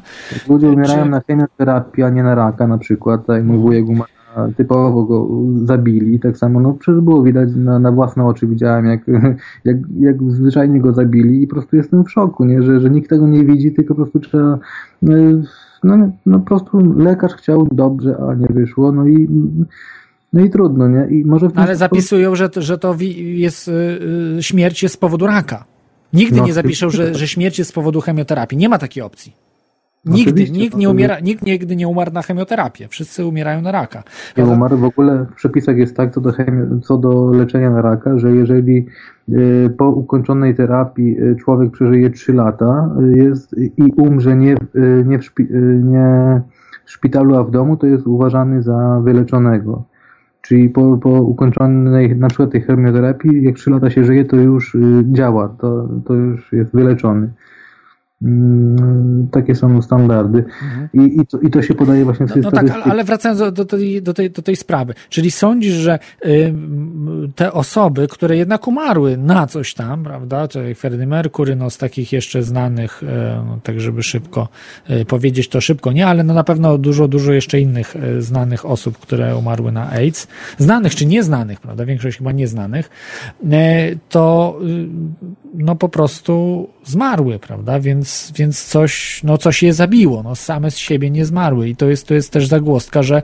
No pytanie jest właśnie dlaczego zmarły, czy właśnie przez leczenie, czy przez to właśnie leczenie, które ich zabiło, tak zwane leczenie, mhm. czy same z siebie zmarły po prostu, nie? Czy przez na przykład przedawkowanie, czy jakieś, nie wiadomo co, no bo to ludzie żyją, wi wi wiadomo jak Merkury żył i różni tacy ludzie żyją naprawdę na na, na, na, na, na, na krawędzi, nie? więc ciężka sprawa powiedzieć, co ich zabiło. Mhm. No, ale jeszcze na sam koniec, już tylko dwa słowa. Chciałem jeszcze, bo to właśnie z innej, póki jeszcze więcej już nie będę dzwonił, bo to jest na, na, jakby na, nie wiem co się stanie za tydzień, a propos, tej, a propos tych zamieszek, nie, za, zamieszek e, e, na Ukrainie, więc y, to tak szybko, szybko. No właśnie, miało to, miałem, chciałem zadzwonić wcześniej, żeby to było jakby przed tematem, nie, nie dało rady. E, a propos na tej Ukrainie, to mnie ciekawi na przykład, co ci ludzie robią. Tam jest tych ludzi tysiące, no nie? Siedzą na tym Majdanie i, i z czego oni żyją? Skąd? Dlaczego oni nie idą do roboty i tak dalej, nie? Kto za to płaci? I odpowiedź na to, kto za to płaci, czy im ktoś płaci, czy na przykład to żarcie, które tam dostają, czy, czy w ogóle cała ta maszynerię, która to wszystko kontroluje, że jeden przychodzi, drugi odchodzi, bo to są tysiące ludzi, to trzeba kontrolować, żeby oni tam zawsze byli. Kto to w ogóle koordynuje i tak dalej, to jak się to, tego dowiemy, to dowiemy się, kto za tym stoi, bo to jest podstawowe pytanie, jak dla mnie, kto za tym stoi, bo nie wierzę w to, jak, e, jak tu pokazały nasze okrągłe stoły, na, nasze tutaj rozłamy i e, różne takie kombinacje to się nie dzieje znikąd. Ciekawi mnie to bardzo, kto za tym stoi i, i kto na to pieniądze wykłada. Także najlepszego. Na rewolucję, tak? No, myślę, że jedna i druga strona, a tak naprawdę to jest jedna strona NWO. Zarówno tutaj Rosja, Unia Europejska, to, czy, czy ci ludzie globaliści to jest tak naprawdę jedna no, bramka, jedna strona. Tam z jakichś ty, no, globaliści, global, tak ogólnie mówiąc, ale ktoś tam jako człowiek, jeden, na przykład pewnie jakiś oligarcha, czy no, ktoś tak. George Soros, z tego co słyszałem, wydawał pieniądze. Po, George Soros też wydaje na, na te y, y, femenki, prawda? Wydawał, na, na, wydawał też na z tego co wiem, chyba też sponsorował, e, ale tutaj mogę się mylić. E, no, Femen na pewno sponsorował, z tego co wiem. No, także no, to mnie ciekawi właśnie, za, za, skąd się biorą właśnie te, z czego oni żyją, tam siedzą y, i tak dalej i coś tam muszą jeść, ktoś im musi przychodzić. Nie, no, ale to tak samo jak było za czasów Solidarności, przecież też były strajki, też były zadymy ostre. Normalnie ludzie żyli, ale też chodzili na zadymy i tak dalej, sobie sami radzili, więc y, trochę było pomocy z zachodu, ale ta pomoc to była zatrzymana przez Wałęsę, przez Kościół często. Y, Trochę oczywiście trafiało, ale, ale duża część została zatrzymana przez górę Solidarności y, do swoich jakichś tam interesów, prawda? No, pamiętam no. chociażby y, Chojecki, niejaki Mirosław w Paryżu, jak, jak, y, jak, jak zatrzymywał sporą część dla siebie, tak? Tych, tych, tych, tej pomocy. Mnóstwo osób, które właśnie tak funkcjonowało, no, nie ma się co dziwić, no to, to nie były rejestrowane pieniądze, nie można było rejestrować tych pieniędzy, tak? To nie jest przelew z konta na konto, tylko to jest do ręki do ręki, więc każdego coś tam trochę, jak to się mówi, kusi, aby te, te pieniądze i tak samo na Ukrainie, że też e, powiedzmy tutaj e, ta góra zabiera pieniądze, a na, na dół to wcale dużo nie dociera. Ci ludzie faktycznie po prostu chcą zmian na Ukrainie. To, to, to są... W każdym razie, no, może i tak jak mówisz, że sami ludzie chcą zmiany, tylko że ktoś na, napędza y, tak bez, bez właśnie takiej góry, bez tego, tego kurde prezesa y, Bolesława, czy jakiegokolwiek innego prezesa i całej tej oczki, tych ludzi nie miałby pchać do tego. Woleli się przyjść do domu, podupcyć babę, zjeść kotletę i, i spać i tyle, nie?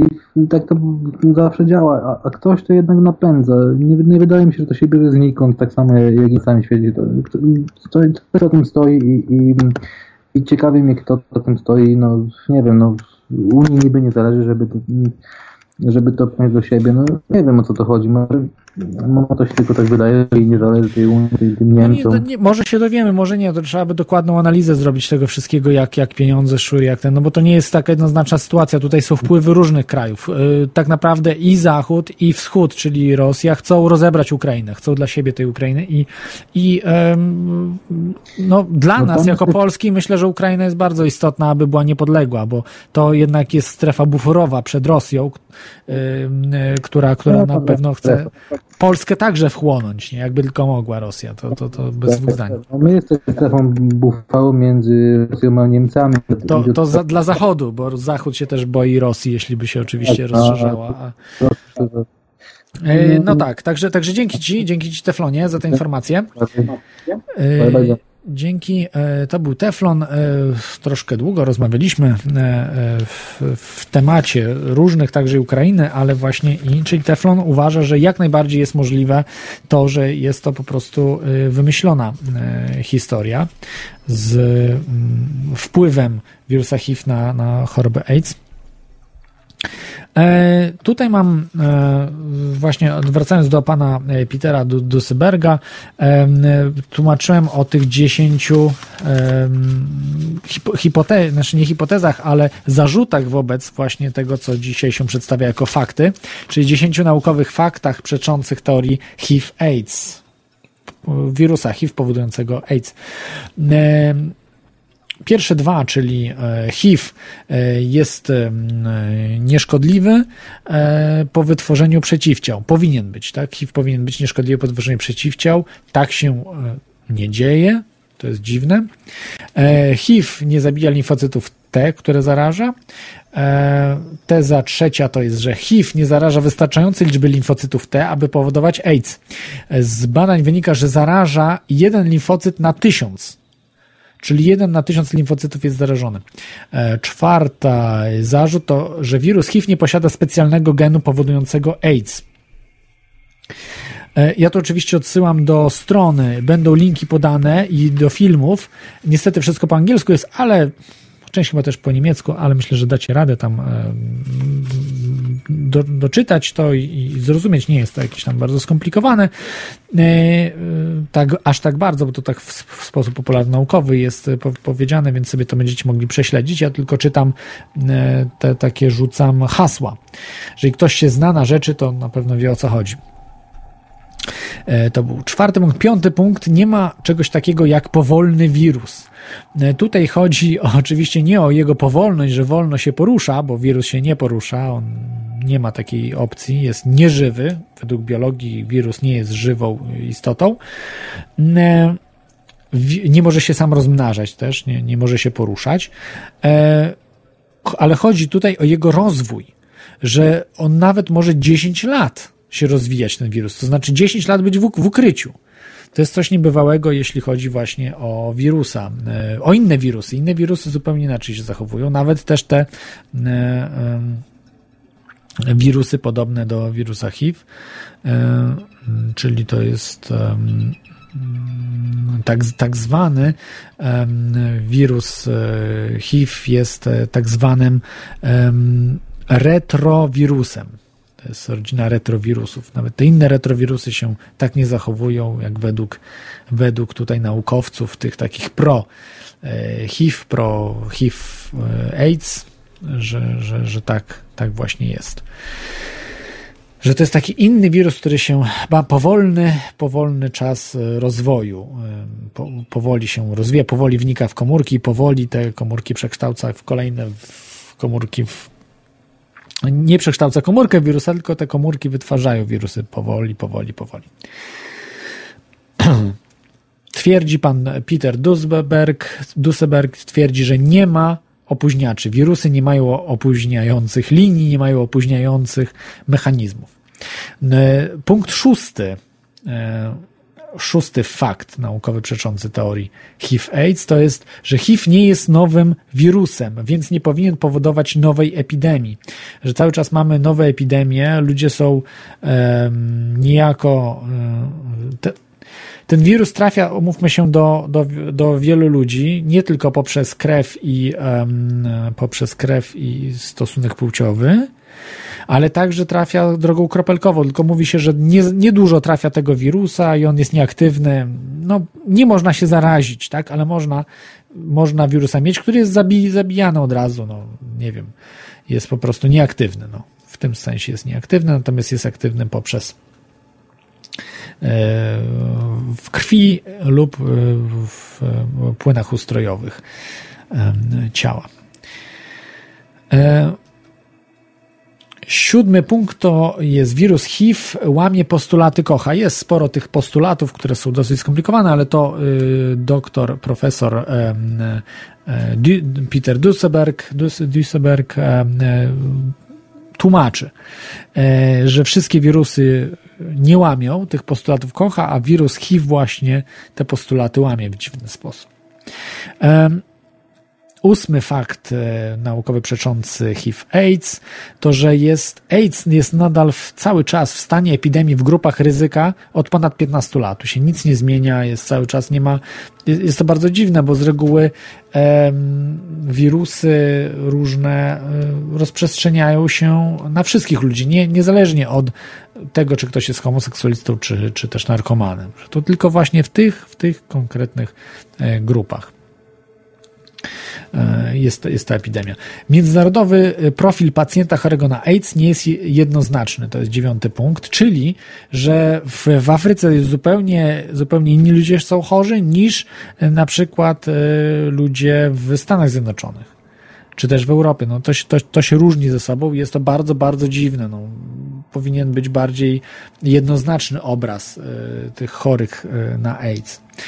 E, no i dziesiąty punkt to jest AIDS pojawia się bez zarażenia HIV. Są takie przypadki, e, jak już mówiłem o tym, a większość ludzi zarażonych HIV nigdy nie osiąga stanu AIDS, czyli chorobowego stanu.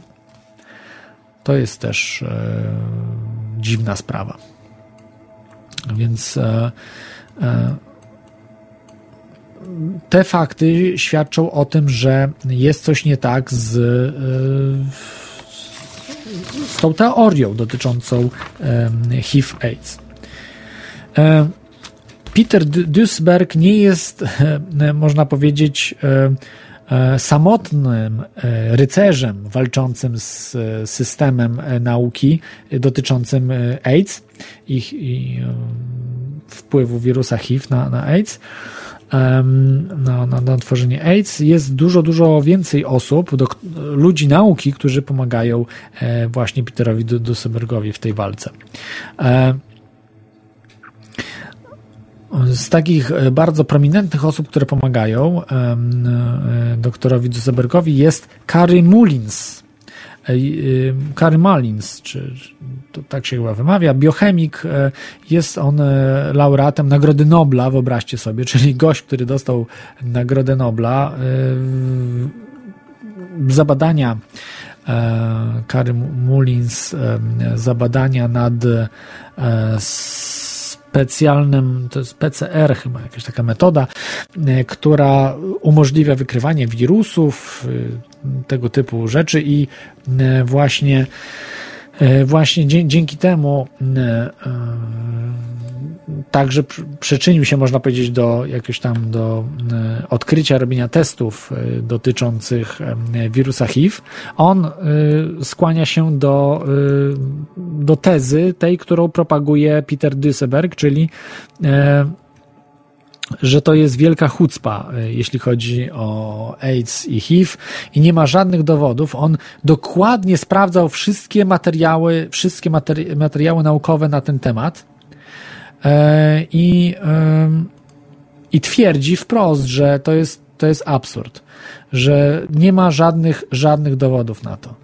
E, I jest zakwalifikowany także do negatywistów. Mm, negatywistów, jeśli chodzi o właśnie teorię wirusa HIV i powodującego tego wirusa AIDS. Przytacza podobne rzeczy, tylko że także on, Kary Malins, Kary Mullins, biochemik, profesor, tak jak mówiłem, robił badania, ale nie tylko to, śledzi wszystkie prace wychodzące na ten temat, czyta je i, i twierdzi, że to jest absurd, to jest, jest wielka chucpa jakaś, to jest, nie ma, y, kompletnie nie jest to um, nie ma żadnego potwierdzenia naukowego. E, także trochę tru, trudna to jest osoba, bo nie mogą go um, zanegować totalnie. E, tej osoby, bo jest bardzo wpływowym biochemikiem, jednym z najlepszych na świecie i no, mają niezły orzech do zgryzienia. E, on opisuje dokładnie e, no, jako, mm, jak te wszystkie rzeczy, które ludzie, którzy propagują teorię HIV i AIDS, stoją na to jest, to jest można powiedzieć gigant, mamut na glinianych nogach. E, jest to naprawdę, te, te, ta teoria ma wiele dziur i jest, no nie jest potwierdzona naukowo. Tak jak, tak jak się nam wszystkim wydaje, bo wszyscy myśl, myślimy, że tutaj nie ma, nie ma dyskusji. To jest jak 2 plus 2 równa się 4. To nie, nie możemy zadawać pytań. Nawet nie możemy zadawać, bo ja, jak możesz zadawać? Jak możesz tutaj yy, yy, twierdzić, że jest inaczej? Jak możesz negować to? Jak możesz być negatywistą? No i właśnie y, profesor Kary y, Mullins y, sprawdził, sprawdził dokładnie te rzeczy i twierdzi, że no to jest, to jest bzdura, no to jest bzdura, co się, co, co, co się mówi. Do tego jeszcze bardzo ciekawy postać, jeszcze najciekawsza chyba ze wszystkich, dr Robert Wilner. To jest naprawdę e, ciekawy przypadek. Osoba, która e, powiedziała wprost, bo też do tego samego doszła, co, co Peter Disberg i Kary Mullins, ale stwierdził, że ja pokażę na sobie. Pokażę na sobie, jaka to jest chucpa i zarażał się hifem. Ileś razy, chyba cztery, czy pięć, czy jeszcze więcej razy się zarażał hifem i ani razu hif nie przeszedł na niego. Przypadek? Przypadek, oczywiście. zarażał się poprzez krew. Nie poprzez stosunek płciowy, a poprzez krew. I ani razu test nie, nie wyszedł, że jest pozytywny. To raz. No, a dwa, niestety już nie żyje. Ze względu na to, że zmarł e, na atak serca 15 e, kwietnia 1995 roku. Na atak serca, czyli to nie miało nic wspólnego z e, AIDS czy innymi. No, niektórzy twierdzą, że rzeczywiście miało, no ale nie bardzo. Jak wiemy tutaj w teorii chaosu, atak serca to jest numer jeden podejrzana śmierć, jeśli chodzi o morderstwa CIA wszystkie służby specjalne potrafią zatrzymać akcję serca ludziom. Potrafią zniszczyć serce. To jest już od dawien dawna. Pamiętacie przypadek też niedawno omawiany e, wielkiego naukowca e, e, Wilhelma Reicha. Tak samo zmarł na serce w więzieniu. Bardzo dziw, w dziwny sposób, zmarł na serce. Można podać odpowiednią substancję, aby komuś e, zniszczyć serce, a można wywołać taki atak odpowiednimi urządzeniami lub innymi metodami, e, które, e, które służby specjalne rozwijają. Ja mówię o poważnych służbach specjalnych, ale być może, bo przepraszam, ale polskie służby specjalne raczej tej metody nie stosują, bo nie słyszałem o tym, tylko samobójstwa Pol Polacy stosują e, skrytobójstwa na zasadzie samobójstw, czyli pozorowanych samobójstw, nawet czasami nieudolnie, czasami dobrze, a czasami bardzo nieudolnie e, samobójstw. E, I no, tak jakby przypomnę, przy, przypomnę sytuację z Ireneuszem Sekułą, który strzelał sobie trzy razy w brzuch i, i dopiero trzecim razem skutecznie. E, także, także pierwszy raz chyba chybił, czy drugim, no po prostu jakieś naprawdę dziwne rzeczy i to jeszcze chyba strzelał, nie wiem, czy nie ze strzelby po prostu i to jest e, no, no, nieudolna próba samobójcza, e, znaczy to się nazywa w Polsce chyba seryjny samobójca grasuje. No, także tej metody stosują naprawdę już wyrafinowane służby i no to jest najczystsza, bo jest atak serca, nie ma samobójstwa, jest po prostu atak serca, Człowiek był stary, chory, schorowany, coś tam, a tak serca koniec. Zdenerwował się, nie ma problemu. Natomiast samobójstwo, o, to już jest nienaturalna mm, śmierć. To już jest, to już można dalej wyśledzić, prawda, że coś nie tak, nie tak. Natomiast jeśli chodzi o e, atak serca, jest to bardzo um, korzystna dla służb specjalnych oczywiście. No i tak dr Wilner właśnie zmarł na atak serca 15 kwietnia 1995 roku, a y, chociażby to wiele razy przedstawiał, robił te przedstawienia, że się zaraża i faktycznie się zarażał tym HIV-em. Y, 7 grudnia na przykład 1994 roku w hotelu Hollywood Roosevelt w Greensboro można zobaczyć film z tego momentu, jak, jak to dokonywał przed zgromadzeniem lekarzy medycyny alternatywnej dziennikarzy e, właśnie pan Wilner, dr Wilner wbił igłę w palec 27, w palec 27-letniego studenta, który miał pozytywny wynik testu HIV, a następnie tą samą igłą ukuł siebie. E, e, robił wielokrotnie testy na HIV, zawsze był wynik negatywny. E, także w 93 roku tego typu e, rzeczy robił e, w Hiszpanii na przykład. Zaszczepił się też krwią od Pedro Tocino, też pozytywnego nosiciela HIV. No, w Hiszpanii było głośno. On, zapytany, dlaczego ryzykuje życiem, odpowiedział, że robią to, aby położyć kres największemu morderczemu oszustwu w historii medycyny. Przez strzyknięcie sobie HIV pozy pozytywnej krwi dowiodę tego, podobnie jak e, dr Walter Reed, e, udowodnił prawdę o żółtej febrze. W ten sposób, mam nadzieję, odsłonię prawdę o HIV w interesie całej ludzkości.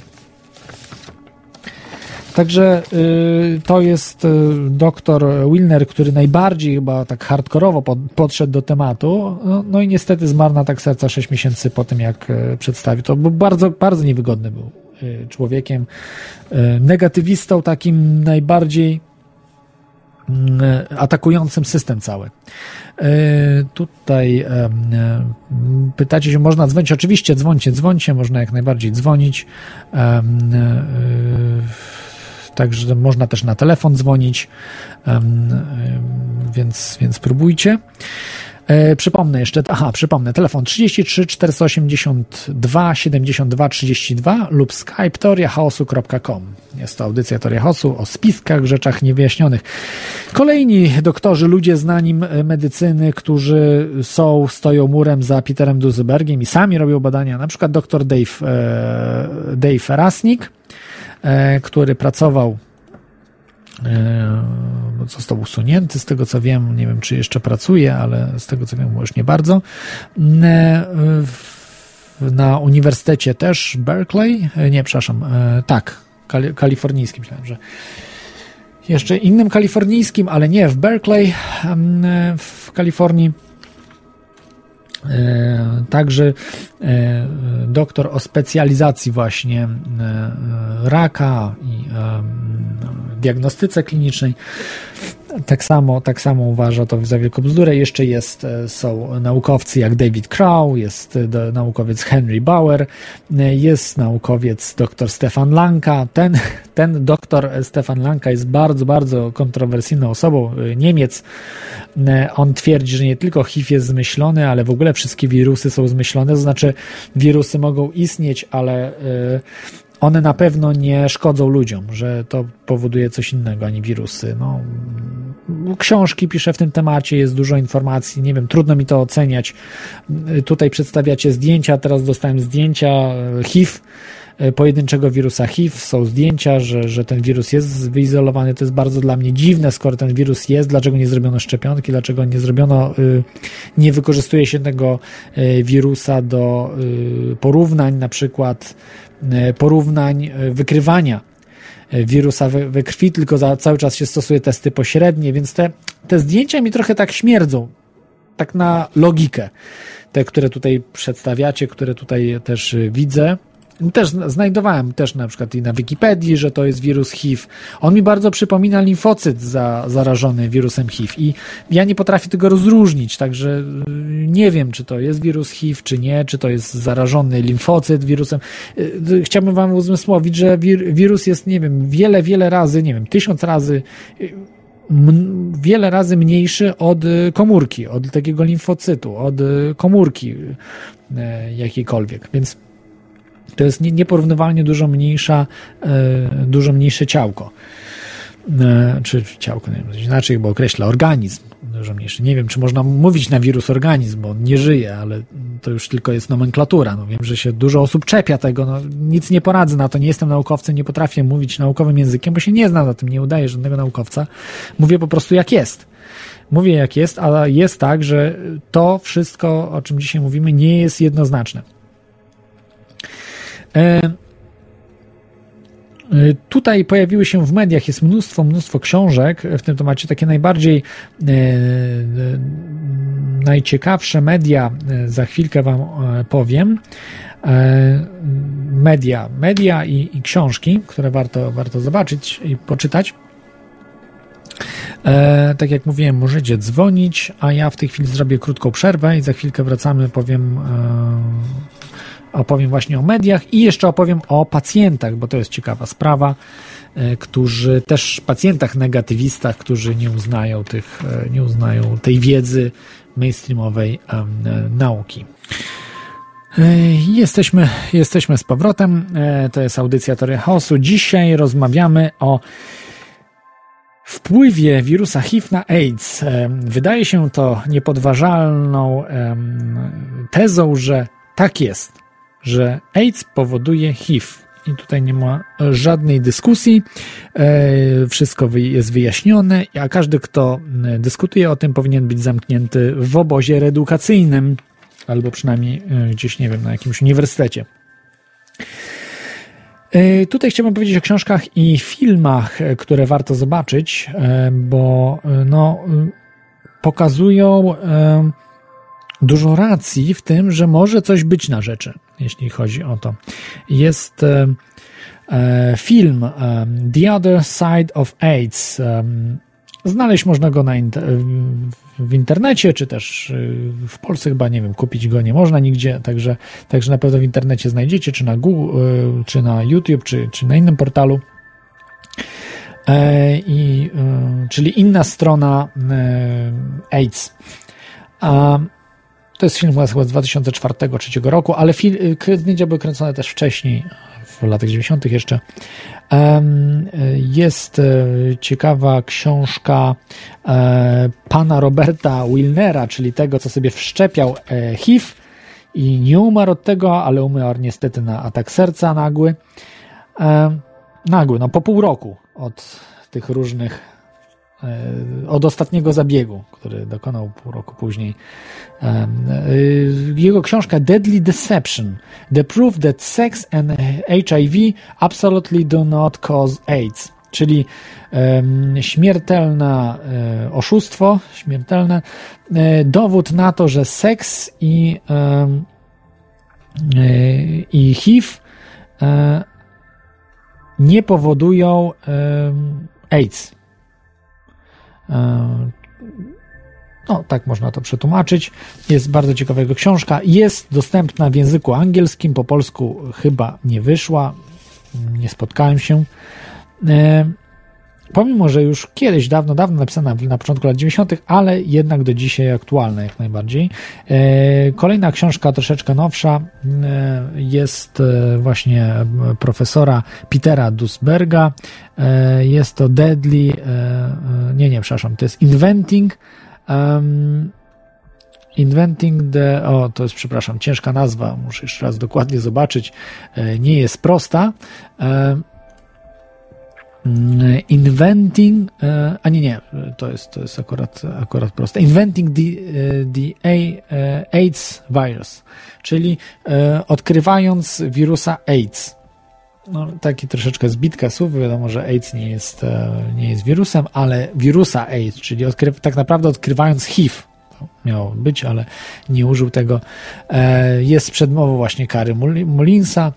E, książka dostępna w języku angielskim, jak najbardziej, jeszcze chyba w innych językach po polsku, chyba niestety, nie? Zresztą nie wiem, czy ktoś by się odważył wydać taką książkę w języku polskim. To byłoby chyba bardzo odważne lub zbyt odważne, żeby wydać książkę e, no, idącą, y, łapiącą się za bary z całym systemem medycznym. To jest naprawdę wyjątkowa y, odwaga. I jeszcze jest książka Davida Resnika, którą mogę polecić, Germ of Lies, ale to jest nowela, to jest y, raczej książka beletrystyczna, to jest beletrystyka właściwie oparta na faktach, oparta na tym, co wiemy o HIV i o AIDS. No, większości ludziom się podoba. Jeżeli nie lubicie takich popularno-naukowych książek, bo mogą być nużące i trudne, to polecam właśnie książkę Davida Resnika Germ of Lies. Mnóstwo filmów jest w internecie, różnych na, na ten temat. Wypowiedzi filmów z e, przede wszystkim właśnie z Peterem Dusbergiem. On występuje w różnych występował w różnych podcastach, bardzo chętnie występuje, także jest e, e, jeszcze żyje, ma się dobrze, cały czas informuje e, o tych sprawach. E, I e, no, oczywiście, tak jak mówię, przez naukę, przez cały system jest uważany za masowego mordercę. Że on zmusza, zmusza, zawsze powtarzał, że zmusza innych ludzi do przestania terapii, do zaprzestania brania leków i tak dalej, tak dalej. On absolutnie go nie zmusza, tylko on walczy o dowody, o naukę. A to, czy ktoś bierze leki, czy nie, to jest jego sprawa, tak? No, każdy ma prawo. Nie chcę brać leków na, na HIV, bo uważam, że pan Peter Dusberg ma rację. Nie, nie chcę szczepionek dla moich dzieci, bo uważam, że e, e, na przykład profesor Majewska ma rację i, i, akurat nie są potrzebne szczepionki. Są mało tego, nie, nie tyle, że niepotrzebne, ale e, są szkodliwe bardzo dla dzieci. No i tak dalej, i tak dalej. No, każdy jest dorosły, każdy decyduje za siebie, a za dzieci decydują rodzice. Może kiedyś tak będzie, że może w jakiejś świetlanej przyszłości, że wreszcie rodzice będą za dzieci decydowali i będą odpowiadali w pełni za dzieci. Ale nie przed państwem, tylko przed sobą i przed co najwyżej Panem Bogiem, tak? Ja nie mówię o jakichś drastycznych sprawach, tak, które się dzieciom dzieją, ale na zasadzie takiej, czy podać lek dziecku, czy nie. To powinien decydować o tym nie państwo, powinno decydować tylko rodzic. Czy, czy podać, czy nie? Czy, czy pójść na operację, czy nie? To jest sprawa rodzica, bo się w głowach nie mieści, że dzieci mogą być państwowe i najlepiej do domu dziecka pozabierać wszystkie dzieci, gdzie będzie grzebień na dziesięcioro y, dzieciaków. Gdzie jeden grzebień będzie, czy tam jedna zabawka, jeden komputer. No to jest absurd. I jeszcze koszt utrzymania takiego dziecka będzie 10 razy wyższy niż w normalnej rodzinie. Ostatnio, przepraszam, że za dygresję, ale to, co się dzieje w Polsce, to jest przerażające. 16-latka zabrali rodzicom, ten 16-latek popełni samobójstwo. Ci ludzie powinni być w więzieniu, którzy zabrali tego 16-latka, ale nie dzieje się to. Oni są niewinni. Winny jest system. My nie jesteśmy winni jako urzędnicy. Co się dzieje? To jest, to jest, to jest faszystowskie państwo. I jeszcze ludzie przyklaskują, no tak, bo trzeba zabierać. No 16-letniego chłopaka? On już do pracy powinien pójść, a nie pracować, a nie, a nie yy, zabierać go do domu dziecka, no, do patologii jakiejś, no gdzie, gdzie, gdzie tylko było za mało pieniędzy w domu. Czyli zabrać go, gdzie ma e, rodzice żyją skromnie, ale biednie, zabrać go do domu dziecka, gdzie trzeba kilka tysięcy z podatków naszych wpłacać do takiego domu dziecka, gdzie się jeszcze krzywda bardzo często dzieje dzieciakom, są, nie, nie powiem co tam się dzieje, no, bardzo wiele przykładów. Jest to zbrodnia, która się dzieje na naszych oczach i, i mnóstwo dzieci jest zawieranych w Polsce i do tego dąży system aby zabrać dzieci rodzicom. To jest e, cel systemu. Dzie tak jak Hitler to chciał zrobić. E, dzieci mają być wychowane przez system. Nie udało to się kompletnie. Zabrali dzieci, dzieci umierały w tych, przy tych przytułkach takich. E, be, bez miłości po prostu dzieci umierają. To jest stwierdzone. Więc może kiedyś będzie normalność, będzie miłość i, i rodzice będą odpowiadali za dzieci.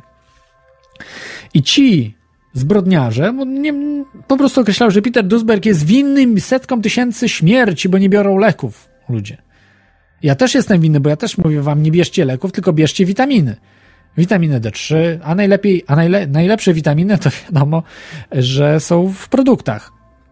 W roślinnych, w, czyli warzywa, owoce, w, w różnych różnych preparatach roślinnych i też ziołach. No, przede wszystkim. No, w mięsie też, też można brać, ale wiecie, że mięso jest bardzo skażone. Poza tym, także nie polecam mięsa, ale no wiadomo, że od czasu do czasu trzeba mięsa zjeść, więc Także zależy, no, nie wszyscy potrzebują mięsa, tak? Niektórzy nie jedzą mięsa, więc to, to, to, to co lubi. Dobrze, wracając do tematu. Ci ludzie właśnie, y, możecie zobaczyć sobie w internecie o nich mnóstwo i po prostu mówią jak jest, od strony nauki. Oni nie mówią od strony, y, od, od, od strony moralnej, od strony y, zdrowotnej, różnych tych spraw, tylko oni mówią od strony naukowej jak jest. Że to jest po prostu wielka chucpa, co się dzieje w, w tym momencie, jeśli chodzi o AIDS i HIV. E, e Mam tutaj jeszcze listę osób, wyobraźcie sobie, w, którą znalazłem, którzy chorowali e, osoby chore na AIDS, które y, właśnie porzuciły leki. Niektóre porzuciły, niektóre nie. I tak, niektóre nie znalazłem po prostu informacji, że ostatnie informacje miałem e, w jakichś bardzo dawnych czasach. Znaczy z, z połowy lat 2000 na przykład informacje miałem, że, że jeszcze żyli. E, jest taka bardzo zaangażowana osoba, Christine Maggiore, która e, była negatywistką, taką społeczną negatywistką, nie była naukowcem, ale, ale była chora na HIV, pozytywna, e, pozytywny wynik na AIDS wiele lat. Przestała brać leki w 1992 roku. I wyobraźcie sobie, że przeżyła bez leków do 2008 roku. W 2008 roku zmarła. E, w dosyć dziwnych okolicznościach, ale zmarła, niektórzy mówią, na zapalenie płuc. Nie zrobiono, to, to, to była dziwna sytuacja, bo mąż e, pani Christine Maggiore zrobił sekcję zwłok, ale nie wiem, czy wyniki były, czy ta sekcja doszła do skutku, bo w każdym razie była zapłacona. E, I, i nie doczytałem tego akurat, nie znalazłem informacji o tej sekcji zwłok, czy ona była zrobiona, czy nie była, ta sekcja zwłok. Na pewno e, mąż e, pani Christine Maggiore zapłacił za to. E, i ona mm, zmarła w 2008 roku, a to ciekawe jeszcze jest jedna ciekawa rzecz, tak jeszcze taka dygresja, ale o pani Maggiore. Ona bardzo aktywnie się udzielała, była taką bardzo propagatorką, no, za, zaprzeczającą temu, że, że tyle lat żyje i, i, ma, się, ma się super, no, ma się lepiej. Ona tak twierdziła, że ma się dużo lepiej niż, niż po tych lekach. Ona tam umierała niemalże po tych lekach właśnie w, na początku lat 90. Potem jak je odrzuciła, jej się znacznie polepszyło. E, no niestety zmarła, ale jest jedna ciekawa rzecz, taka tutaj, jeżeli chodzi o spiski, to um, to jest informacja um, jak zwykle gdzieś gdzieś to wszystko z, zanika, także wybaczcie, no miałem to, a jest, dobrze, znalazłem. E, informacje o takim odcinku e, serialu e, Law and Order um, Prawo i Sprawiedliwość, nie? Prawo i Porządek. Tak to przetłumaczyć można. Order, order to porządek jest. Ale taki mm, serial, odcinek Malcolm in the Middle chyba. Nie, nie, nie, Malcolm in the Middle to jest co innego. Jak się nazywał ten odcinek, to już nie pamiętam. Mam gdzieś tutaj zapisane, ale jak mi zniknął. W każdym razie ten odcinek pojawił się w telewizji na dwa miesiące, niecałe, niecałe dwa miesiące przed śmiercią pani Christine Maggiore. A w tym odcinku była przedstawiona ona właśnie, ona, która morduje dzieci, swoje dziecko zamordowała e, z zimną krwią, bo właśnie nie poddała się leczeniu na HIV, na, na, na, na chorobę, także ewidentnie była ona przedstawiona jako oczywiście inna osoba e, pod innym imieniem, nazwiskiem, ale e, to była dosyć ciekawa historia, że jest taki no, przypadek tego samego takiej, można powiedzieć, taka koincydencja wydarzeń, że umieszczono po prostu w serialu. O, jest Special Victims. Special Victims to jest e, z mm, października. E, to jest ciekawa sprawa. Na 28 października 2008 roku w grudniu zmarła, chyba czy pod koniec e, listopada 2008 właśnie pani Maggiore. Ze względu na to umieszczono e, ją jako charakter, jako osoba Susan Ross, i, i, ona po prostu doprowadza do śmierci swojego dziecka, bo nie chce leczyć, nie, nie wierzy w system, no i, i tak się niestety dzieje. I nie wiem, czy ona też w tym filmie nie umiera. E, tak, tak, że najpierw dziecko umiera tej pani, a później ona umiera. E, ona umiera na tą chorobę i tak dalej, i tak dalej. O, co się okazało, że e, córka pani Christine Maggiore e, zmarła e, właśnie córka pani Christine Maggiore zmarła e, dwa lata, już, już dokładnie wam mówię.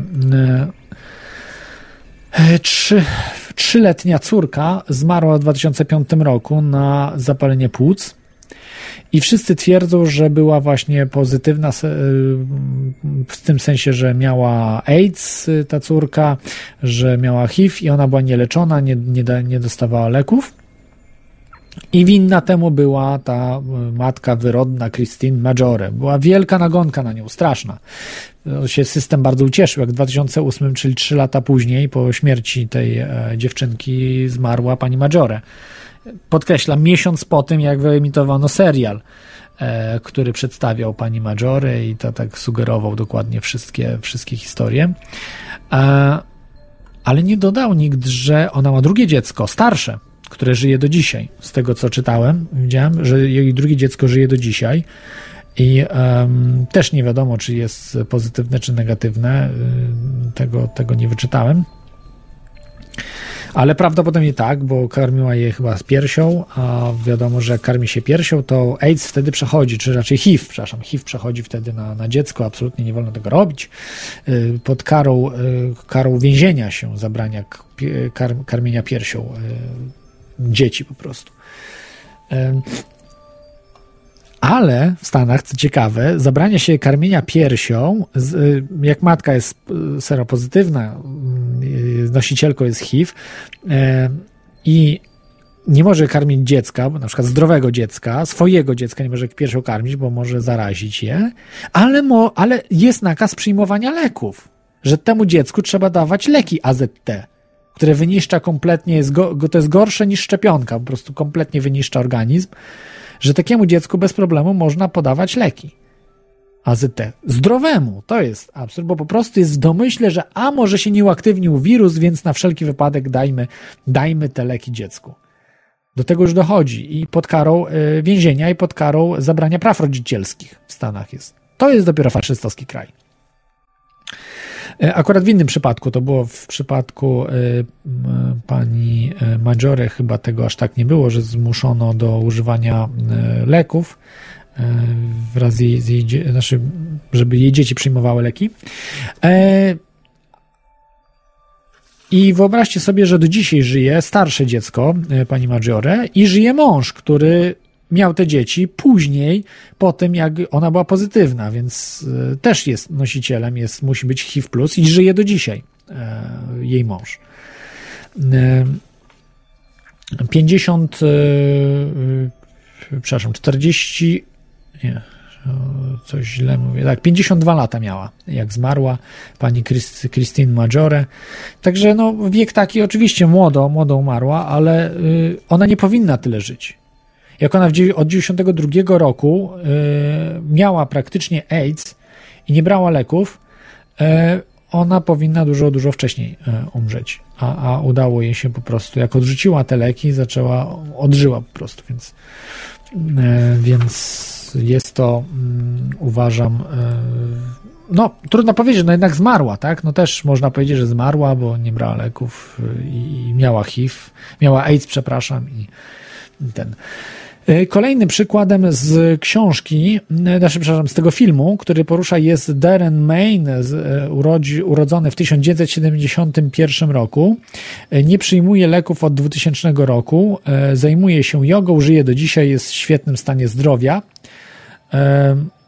No, powinien być już martwy, także 12 lat nie przyjmuje leków, no ale może mu się zdarzyć jednak, bo jest no ma 40, w tej chwili 43 lata, więc być może już no, niedługo e, może się AIDS uaktywnić. Także u niego. E, kolejną osobą jest Leonardo Ramirez, e, zarażony, znaczy chory na AIDS od 1984 roku, bez leków. E, czy właściwie nie czy na AIDS, czy nosiciel, nasz nosicielem HIV e, jest od 1984, nie bierze żadnych leków. E, w 2000 nie znalazłem informacji dużo na temat Leonardo Ramireza. To, to ja mówię o tych postaciach z filmu The Outer Side, The Other Side of AIDS. E, w 2012 roku e, zrobił akcję rowerową e, właśnie tych ludzi, którzy są pozytywni i uprawiają sport i tak dalej. Także wjechał chyba z Los Angeles do Seattle, jakaś, jakaś taka akcja ciekawa. Leonardo Ramirez. E, polecam. David Fink, też nie znalazłem informacji o nim, w każdym razie na HIV jest chory od 1984 roku, e, AIDS ma od 2003, ale nie bierze, nie bierze żadnych leków, nie wiem jaki jest jego los.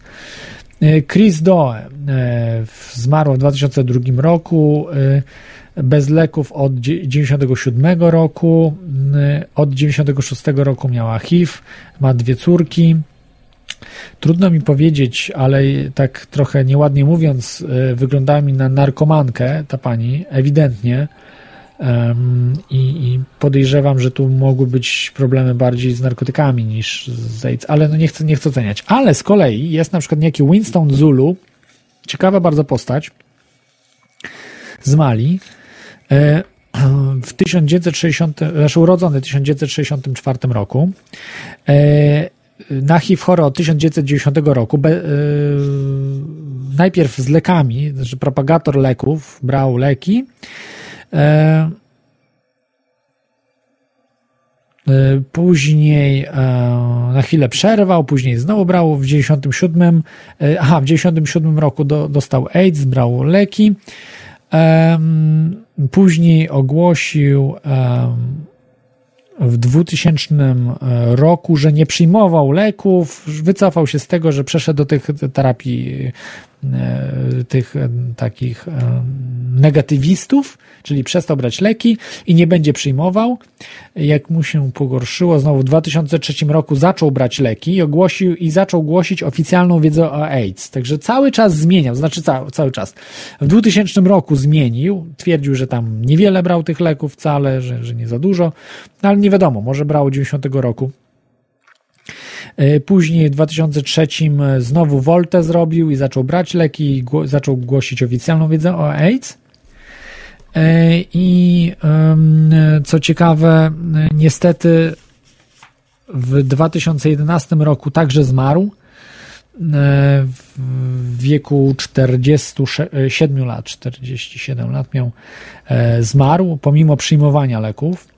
Także, także to też nie ma, no, można powiedzieć, że to, to czy się bierze leki, czy nie, to, to jest mała chyba różnica, bo pani Maggiore nie brała ile? 20, e, nie, 16 lat nie brała leków w ogóle. I, i, e, i tak, tako i Winston Zulu także zmarł. No, w każdym razie e, jest jeszcze przypadek przykład Rexa e, Poindextera, który e, nie brał leków od 96 roku, kiedy mm, był, e, dostał informację, że został, jest nosicielem HIV. W 2003 roku dostał chłonniaka, brał chemioterapię i się przestraszył, zaczął brać właśnie leki na AIDS. Zmarł niedługo potem, w 2004 roku. Także też nie dają gwarancji leki, jak widzicie, zupełnie. Richard McIntyre w nie mam informacji o nim, ale od 1984 roku jest nosicielem HIV, nie brał leków. Ed Auger e, od 1986 roku e, nosiciel HIV i zaczął brać leki od 1996. Też nie mam informacji o nim. Jest Reggie Bielamowicz, e, chory na HIV od 86, nosiciel HIV, przepraszam, leki od 96, potem przestał brać leki, jak się pogorszyło jego zdrowie. I jeszcze jest e, Kathleen Tyson. HIV ma od 1997 roku, nie przyjmuje leków. Zabrano jej zdrowe dziecko, przymuszono właśnie do przyjmowania AZT, jej dziecko zdrowe. Odzyskała prawo rodzicielskie po kilku latach dopiero e, nad dzieckiem. Także, także no, zbrodnie, no, zbrodnie się dzieją. No i jeszcze bardzo ciekawy przypadek Marii Paping, e, Papa, Papaginiadu, przepraszam, Greczynki, dziennikarki greckiej, która w 1965, już urodzona w 1965, w wieku 20 lat y, została nosicielką HIV.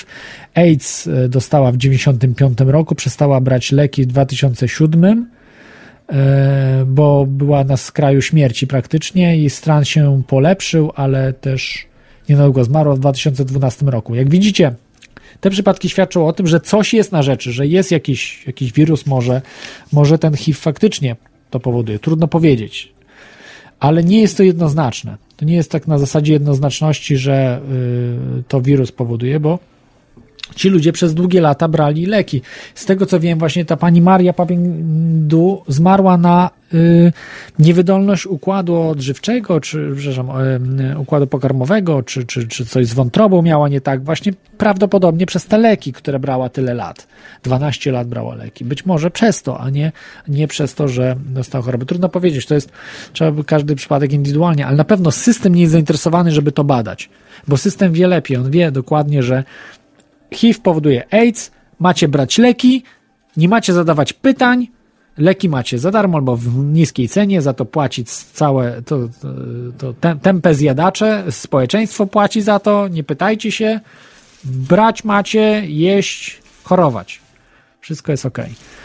E, także, także sprawy są, są naprawdę tutaj e, niejednoznaczne. Są ludzie, tak jak mówię, no ten e, Darren Main, który już kilkanaście, czternaście lat nie bierze leków, jest nosicielem HIV, prawdopodobnie ma też AIDS, a wygląda no po prostu niemożliwe to jest, no tak wyglądać, to e, naprawdę, no, większość zdrowych tak dobrze zdrowo nie wygląda.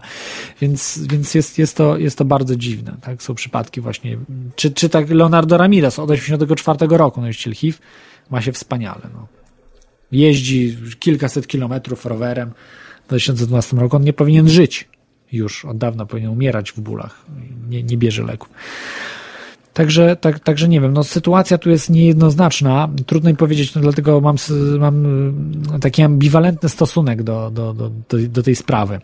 Um, Posłuchajmy, może tutaj jeszcze na koniec.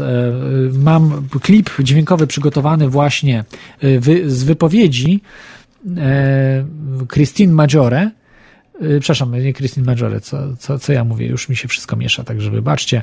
E, tej e, pani Maria Papagindu, dziennikarki greckiej, która wypowiedziała się właśnie w, mm, to był chyba koniec lat 2000, czy, czy, czy naprawdę świetnie wyglądała, dużo, dużo lepszy stan zdrowia miała niż, niż właśnie jak, jak, jak brała leki, bo była umierająca. Mało tego urodziła dzieci, jeszcze właśnie jak przestała brać leki, wtedy dzieci urodziła, dwójkę dzieci. Także, także naprawdę yy, męża miała, odżyła kompletnie. Także posłuchajcie może tego klipu i yy, wracamy za 10 yy, minut już z podsumowaniem i jeszcze wtedy odbiorę ostatnie telefony. Także posłuchajmy z greckiej telewizji informacje, właściwie wywiad Marii Papagin, Papaginadu. Dziennikarki greckiej, która była od 85 roku chora, znaczy nosicielką HIV, AIDS miała 95. I za 10 minut wracamy.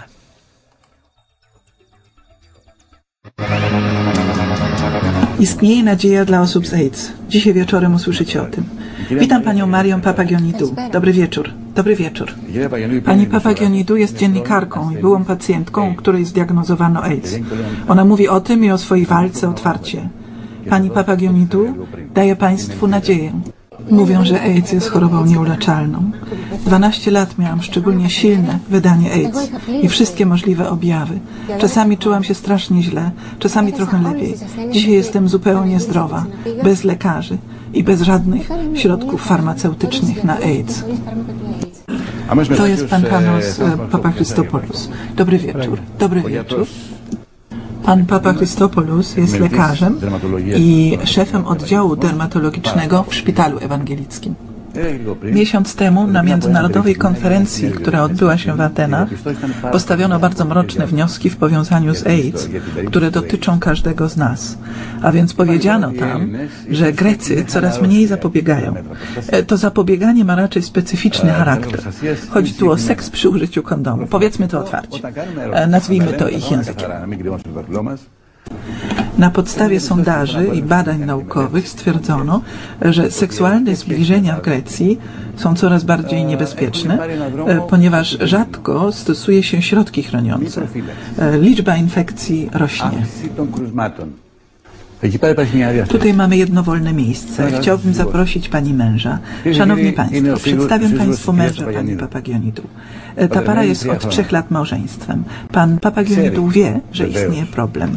E, spytajmy go, jak podszedł pan do tego problemu?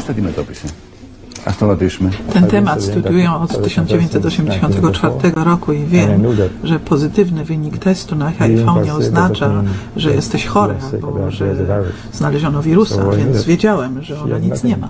On zaczął badać sprawę w 1984 roku podczas swoich biologicznych studiów na Uniwersytecie w Montrealu i wiedział, że pozytywny test na HIV wcale nie oznacza, że ma się groźnego wirusa. Gilles pokazał mi w 2006 roku zupełnie inną stronę AIDS. Był to dla mnie jeszcze większy szok, ponieważ dowiedziałam się o tym dopiero po wielu latach cierpień. Nie wiem, jakim cudem udało mi się przeżyć to piekło. Prawie straciłam wzrok. Cierpiałam na zaniki pamięci. Nie wiedziałam, kim jestem. Mogłam przecież równie dobrze umrzeć nigdy nie dowiedziałabym się, że istnieje jeszcze inna strona AIDS. Gilles pokazał mi, że testy, którym się poddałam, wcale nie wykrywają wirusa HIV, ponieważ wirusa HIV nigdy nie znaleziono. Tutaj mam ulotkę, która pochodzi z opakowania testu z laboratorium należącego do firmy Abbott. Dr Gallo stworzył we współpracy z tą firmą ten test na przeciwciała. Po wewnętrznej stronie ulotki, znajdującej się w opakowaniu tego testu, czego nikomu się nie pokazuje, tutaj powiększyliśmy ten ważny dla nas cytat, jest punkt wrażliwości i toksyczność. Tutaj czytamy. W chwili obecnej nie ma żadnego standardowego badania, przy pomocy którego można by stwierdzić obecność przeciwciał na HIV-1 i HIV-2 w krwi człowieka. Ci, którzy stworzyli ten test, to piszą. Tego nie pokazuje się nikomu. Jak pytamy lekarzy dlaczego, to słyszymy, że nie wolno im, ponieważ rząd im zabrania.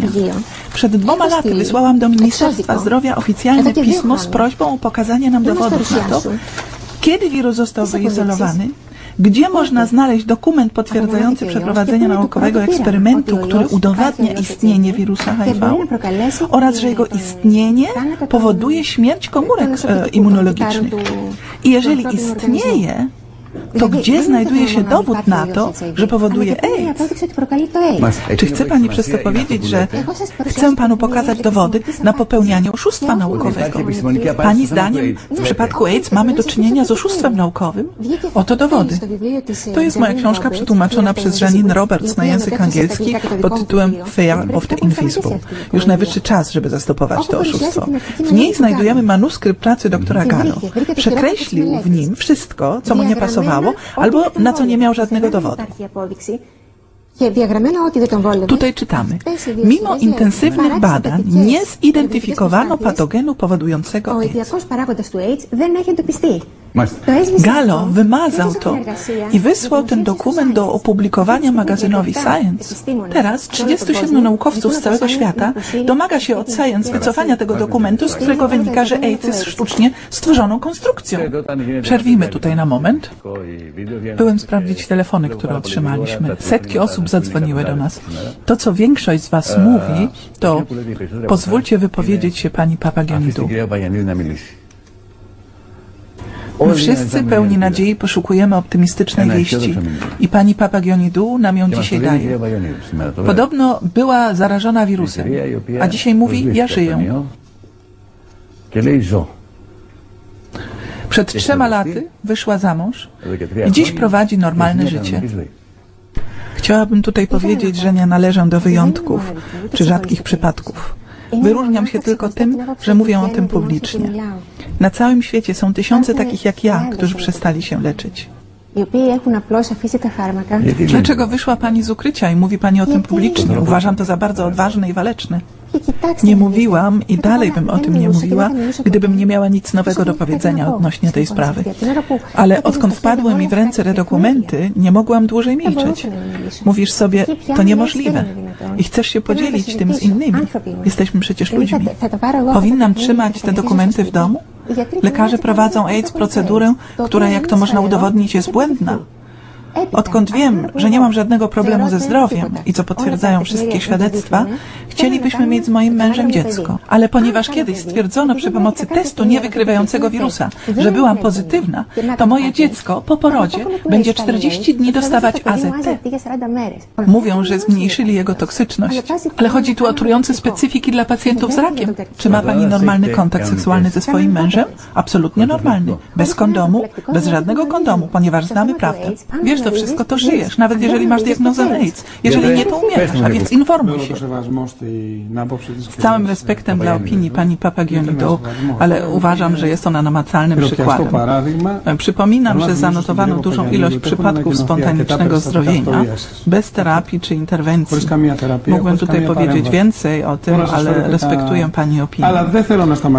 Nie mogę jednak uwierzyć, żeby istniała jakaś światowa konspiracja Okej, okay, może istnieją naukowcy, którzy biorą łapówki od korporacji, dopuszczają się niegodziwych rzeczy, ale żeby istniała światowa konspiracja, włączając wszystkich naukowców z wszystkich krajów. Pani Papaginidu, chciałaby Pani coś powiedzieć? Proszę pozwolić mi na skorygowanie Pana. Z wielkim szacunkiem, bez złych zamiarów. Tak, rozumiem, ale to nie jest kwestia opinii. Ja domagam się dowodów. Czy to jest opinia? Nie wierzę. Chciałbym powiedzieć coś słuchaczom, bo robi się późno. Mamy tutaj rozbieżność e, lub, jeżeli wolicie, fenomen. Moja renomowana koleżanka, dziennikarka magazynu Tuwima, mówi nam, e, od kiedy była Pani zainfekowana? Od 1985 roku, właściwie od początku istnienia AIDS. W 1985 roku, to było 24 lata temu, była zainfekowana wirusem powodującym AIDS. W oparciu o wynik testu, tak, pani jest pozytywna. Tak, będzie pani chora. Ale ona żyje. Wyszła za mąż przed trzema laty. Ma normalny kontakt seksualny ze swoim mężem, który nie jest zainfekowany i mówi, ja żyję, jestem zdrowa. Powiedziałbym, że ona stawia na głowie całą metodologię medyczną. Jeżeli Ministerstwo Zdrowia nie pokaże nam dowodów na istnienie wyizolowanego wirusa, to nie ma podstaw do leczenia niemowląt. Nie poddam mojego dziecka jakiemuś leczeniu z powodu czegoś, co nie istnieje. Przejdźmy do podsumowania. Poprosimy każdego gościa zaproszonego do studia o swoją opinię w tej sprawie. Panie Papagionidu, chciałbym zakończyć Pani wypowiedzią. Osobiście chciałabym zapytać... Proszę chwileczkę zaczekać. Tak, poczekam. Mam dla Pani wielki szacunek i lubię Panią, ponieważ jest Pani odważną osobą. Proszę uważać na to, co Pani powie. Będzie to konkluzja naszego programu. Co chciałaby Pani przekazać zainfekowanym osobom, ale również innym, na przykład tym dziewczynom, które są konfrontowane z tym problemem? Chłopcom również. Chciałabym powiedzieć coś bardzo prostego. Jeżeli będziecie robili ten test, to zażądajcie pokazania ulotki. Ona znajduje się w opakowaniu.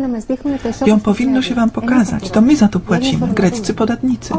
Szukajcie sami i wyciągajcie własne wnioski, ale szukajcie informacji sami. Nie zdawajcie się na te, które otrzymujecie, ponieważ ukrywa się przed Wami ważne dane. To wszystko.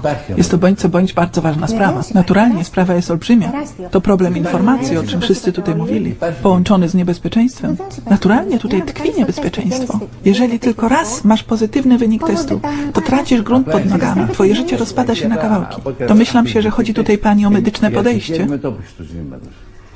Dokładnie. Mam tu ze sobą przysięgę Hipokratesa, która mówi, nie podam pacjentowi śmiercionośnej trucizny. Obecnie osoby HIV pozytywne najczęściej umierają na choroby wątroby wskutek działania ubocznego farmaceutyków. Nie ma to nic wspólnego z AIDS. Podawane są śmiercionośne leki, które nie leczą, tylko zabijają. Nikt się nie uratował. I my sami jeszcze to finansujemy. Greccy podatnicy. A więc domagajcie się dowodów. Przecież chcecie wszyscy więcej informacji, czy nie tak? Dlaczego nam o tym nie mówią? Chodzi o jakość informacji. Dziękujemy bardzo, że była Pani u nas. Program prowadziłem z wielką przyjemnością.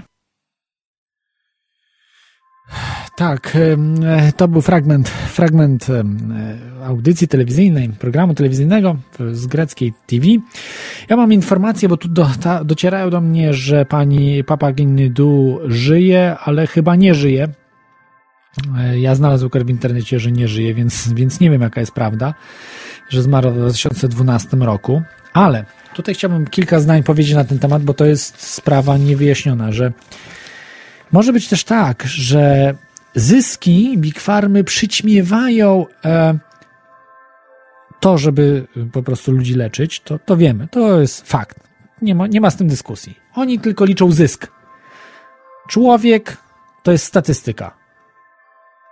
Im, Im umrze, może nie szybciej, ale jak nie ma kasy, to lepiej, żeby umierał.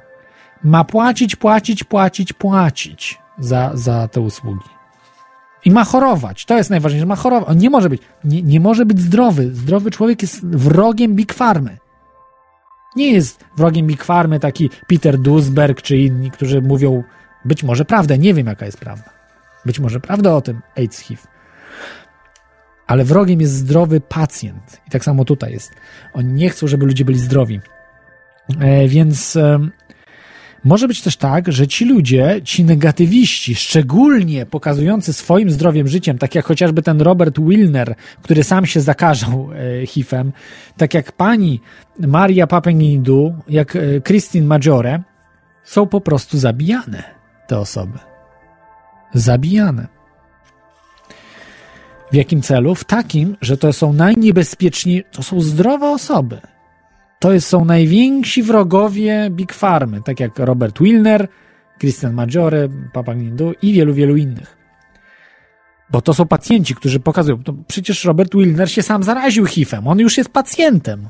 On jest bardzo niebezpieczny, prawda? Pokazuje, że pacjent, a zdrowy. Więc, e, więc e, to, to się bardzo nie podoba Big Farmie i e, to po prostu powoduje, że chcą ukrócić tego typu y, no, praktyki. Pokazywania, że ktoś może być zdrowy bez leków. Jak to możliwe? Nie, nie ma takiej opcji. Bez leków nie możesz być zdrowy. Tutaj pewnie niektórzy zapytają, no a jakie ja mam dowody na to? Bardzo proste. Mam tu taką przed sobą e, e, tabelkę, ile miliardów dolarów e, dostają od podatników firmy zajmujące się E, leczeniem, znaczy leczeniem AIDS, badaniem AIDS, jakimiś różnymi prak jakimiś e, praktykami dotyczącymi zwalczania AIDS, czy, czy też wirusa HIV i tak dalej, tak dalej. Wszystkie różne medyczne instytucje społeczne, które zajmują się właśnie walką z AIDS e, fundusze NATO. W samych Stanach Zjednoczonych, wyobraźcie sobie, fundusze sięgają w 2014 roku, wynoszą niemalże 30 miliardów dolarów. Niby nie jest dużo, ale wyobraźcie sobie, że w przeciągu 20, e, e, no 30, praktycznie 30 lat e, te fundusze zbiorowo wyniosły ponad 400 miliardów dolarów. To nie są małe pieniądze. To, nie są, to jest tylko na, na badania i, i tutaj zapobieganie AIDS tylko i wyłącznie tej jednej chorobie, tej jednej epidemii w Stanach Zjednoczonych samych. 400 miliardów wydano dolarów na to. To wydaje się, a niedużo. To jest dużo, to jest naprawdę dużo pieniędzy. To jest 10 budżetów Polski. To jest naprawdę dużo pieniędzy. W 1982 roku praktycznie było zero, bardzo niewiele, niewiele powyżej zera. E, w 83 to już był no, jakieś tam miliony dolarów. Dopiero miliardy zaczęły się w 86, 7 na przełomie. 6, 7 już był ponad miliard e, dolarów, ale to rosło i rośnie i cały czas rośnie. Rośnie więcej niż wynosi inflacja, albo no, znacznie powyżej inflacji rośnie. No bo zwiększyło się od 82 roku o 10 tysięcy, 100 tysięcy razy. No trochę mniej niż 100 tysięcy, no. Kilka tysięcy razy się zwiększyło. E, więc e, no, robi to wrażenie. Robi to wrażenie po prostu pieniądze, jakie na to idą. I myślicie, że żeby stracić te 40, bo to jest strata. Od razu, jeżeli wychodzi na jaw ten spisek, że to jest zabójcze oszustwo po prostu, to te pieniądze i nie ma ich na to. Te wszystkie kliniki, które zostały potworzone, to wszystko znika. Nie ma. Po prostu. I wiemy, co prawda nie wiem, czy winnych szukać, tak? Bo winnych trochę ciężko by było szukać, bo e, teraz jeszcze mamy taki jeden problem, bo nie dodałem wam, że e, współodkrywca HIV dostał Nagrodę Nobla w 2008 roku. E, to jest dziwne, bo Robert Gallo nie dostał Nagrody Nobla, tylko profesor Luc Montagnier z Paryża wraz z e, Instytutem Pastera, a właściwie e, a właściwie e, tutaj mam zapisane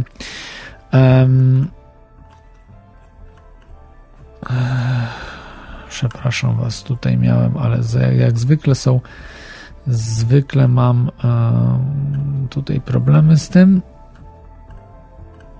już, już znajduję. Tak, w Luc, Luc jak mówiłem, Luc Montagnier i François Barré Sinoussi. W 2008 roku dostali Nagrodę Nobla w dziedzinie fizjologii medycyny. Za, za, zawizolowani wirusa HIV w 1983 roku, gdzie uważam, że to jest te badania były fikcyjne, ale no, Nobla dostali. Znaczy uważam, no, ja nie potrafię tego ocenić, tak, ale opieram się, że są ludzie, którzy, którzy protestują, że, że, że nic nie wyizolowali, tak jak Kary Mullins na przykład. Więc no, jest, to, jest to dziwna sprawa, ale Robert Gallo nie dostał e, Nobla.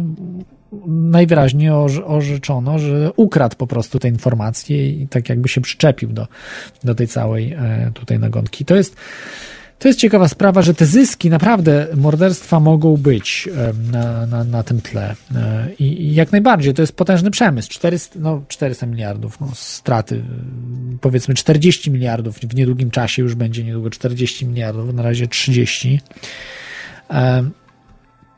miliardów idzie na, na, na budżet tego typu programów, to, no to pieniądze znaczące są. Naprawdę za to y, może się to nie podobać ludziom, więc E, w każdym kraju, bo kraj ma budżet przeznaczany na e, akcję AIDS. E, dokonać cudów, w tym sensie, że może pozbawić ludzi życia, może wyrzucić ciebie z pracy, może dać ci wilczy bilet do, do, do, do wszystkich instytucji. Także naprawdę to są, to są potężne instytucje i nie, nie ma, nie jest ważne wtedy, nie są ważne naukowe odkrycia. Dobrze, niestety nikt nie dzwoni, więc będę kończył. Um, już dzisiaj audycję. Także dziękuję, że byliście. Jaka jest prawda dotycząca AIDS i wirusa HIV, który powoduje, domniemanie powoduje AIDS, nie wiem. Nikogo nie zmuszam do przestania terapii, do zaprzestania terapii, czy do. Y, każdy niech sobie wyrobi własny y, pogląd na tą sprawę, szczególnie ludzie chorzy. Trzeba szukać. Nie wolno zastopować nauki, bo to się bardzo źle kończy, chociażby w przypadku Gellusza wiemy, jak było. Więc, żeby nauka się mogła rozwijać, musimy badać szukać prawdy, to jest najważniejsze. Trzymajcie się. Miłego weekendu Wam życzę. Do zobaczenia za tydzień. Do usłyszenia za tydzień. Cześć.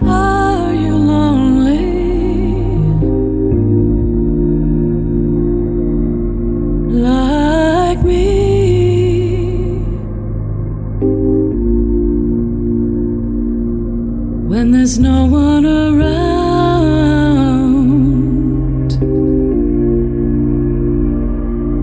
for you to talk with.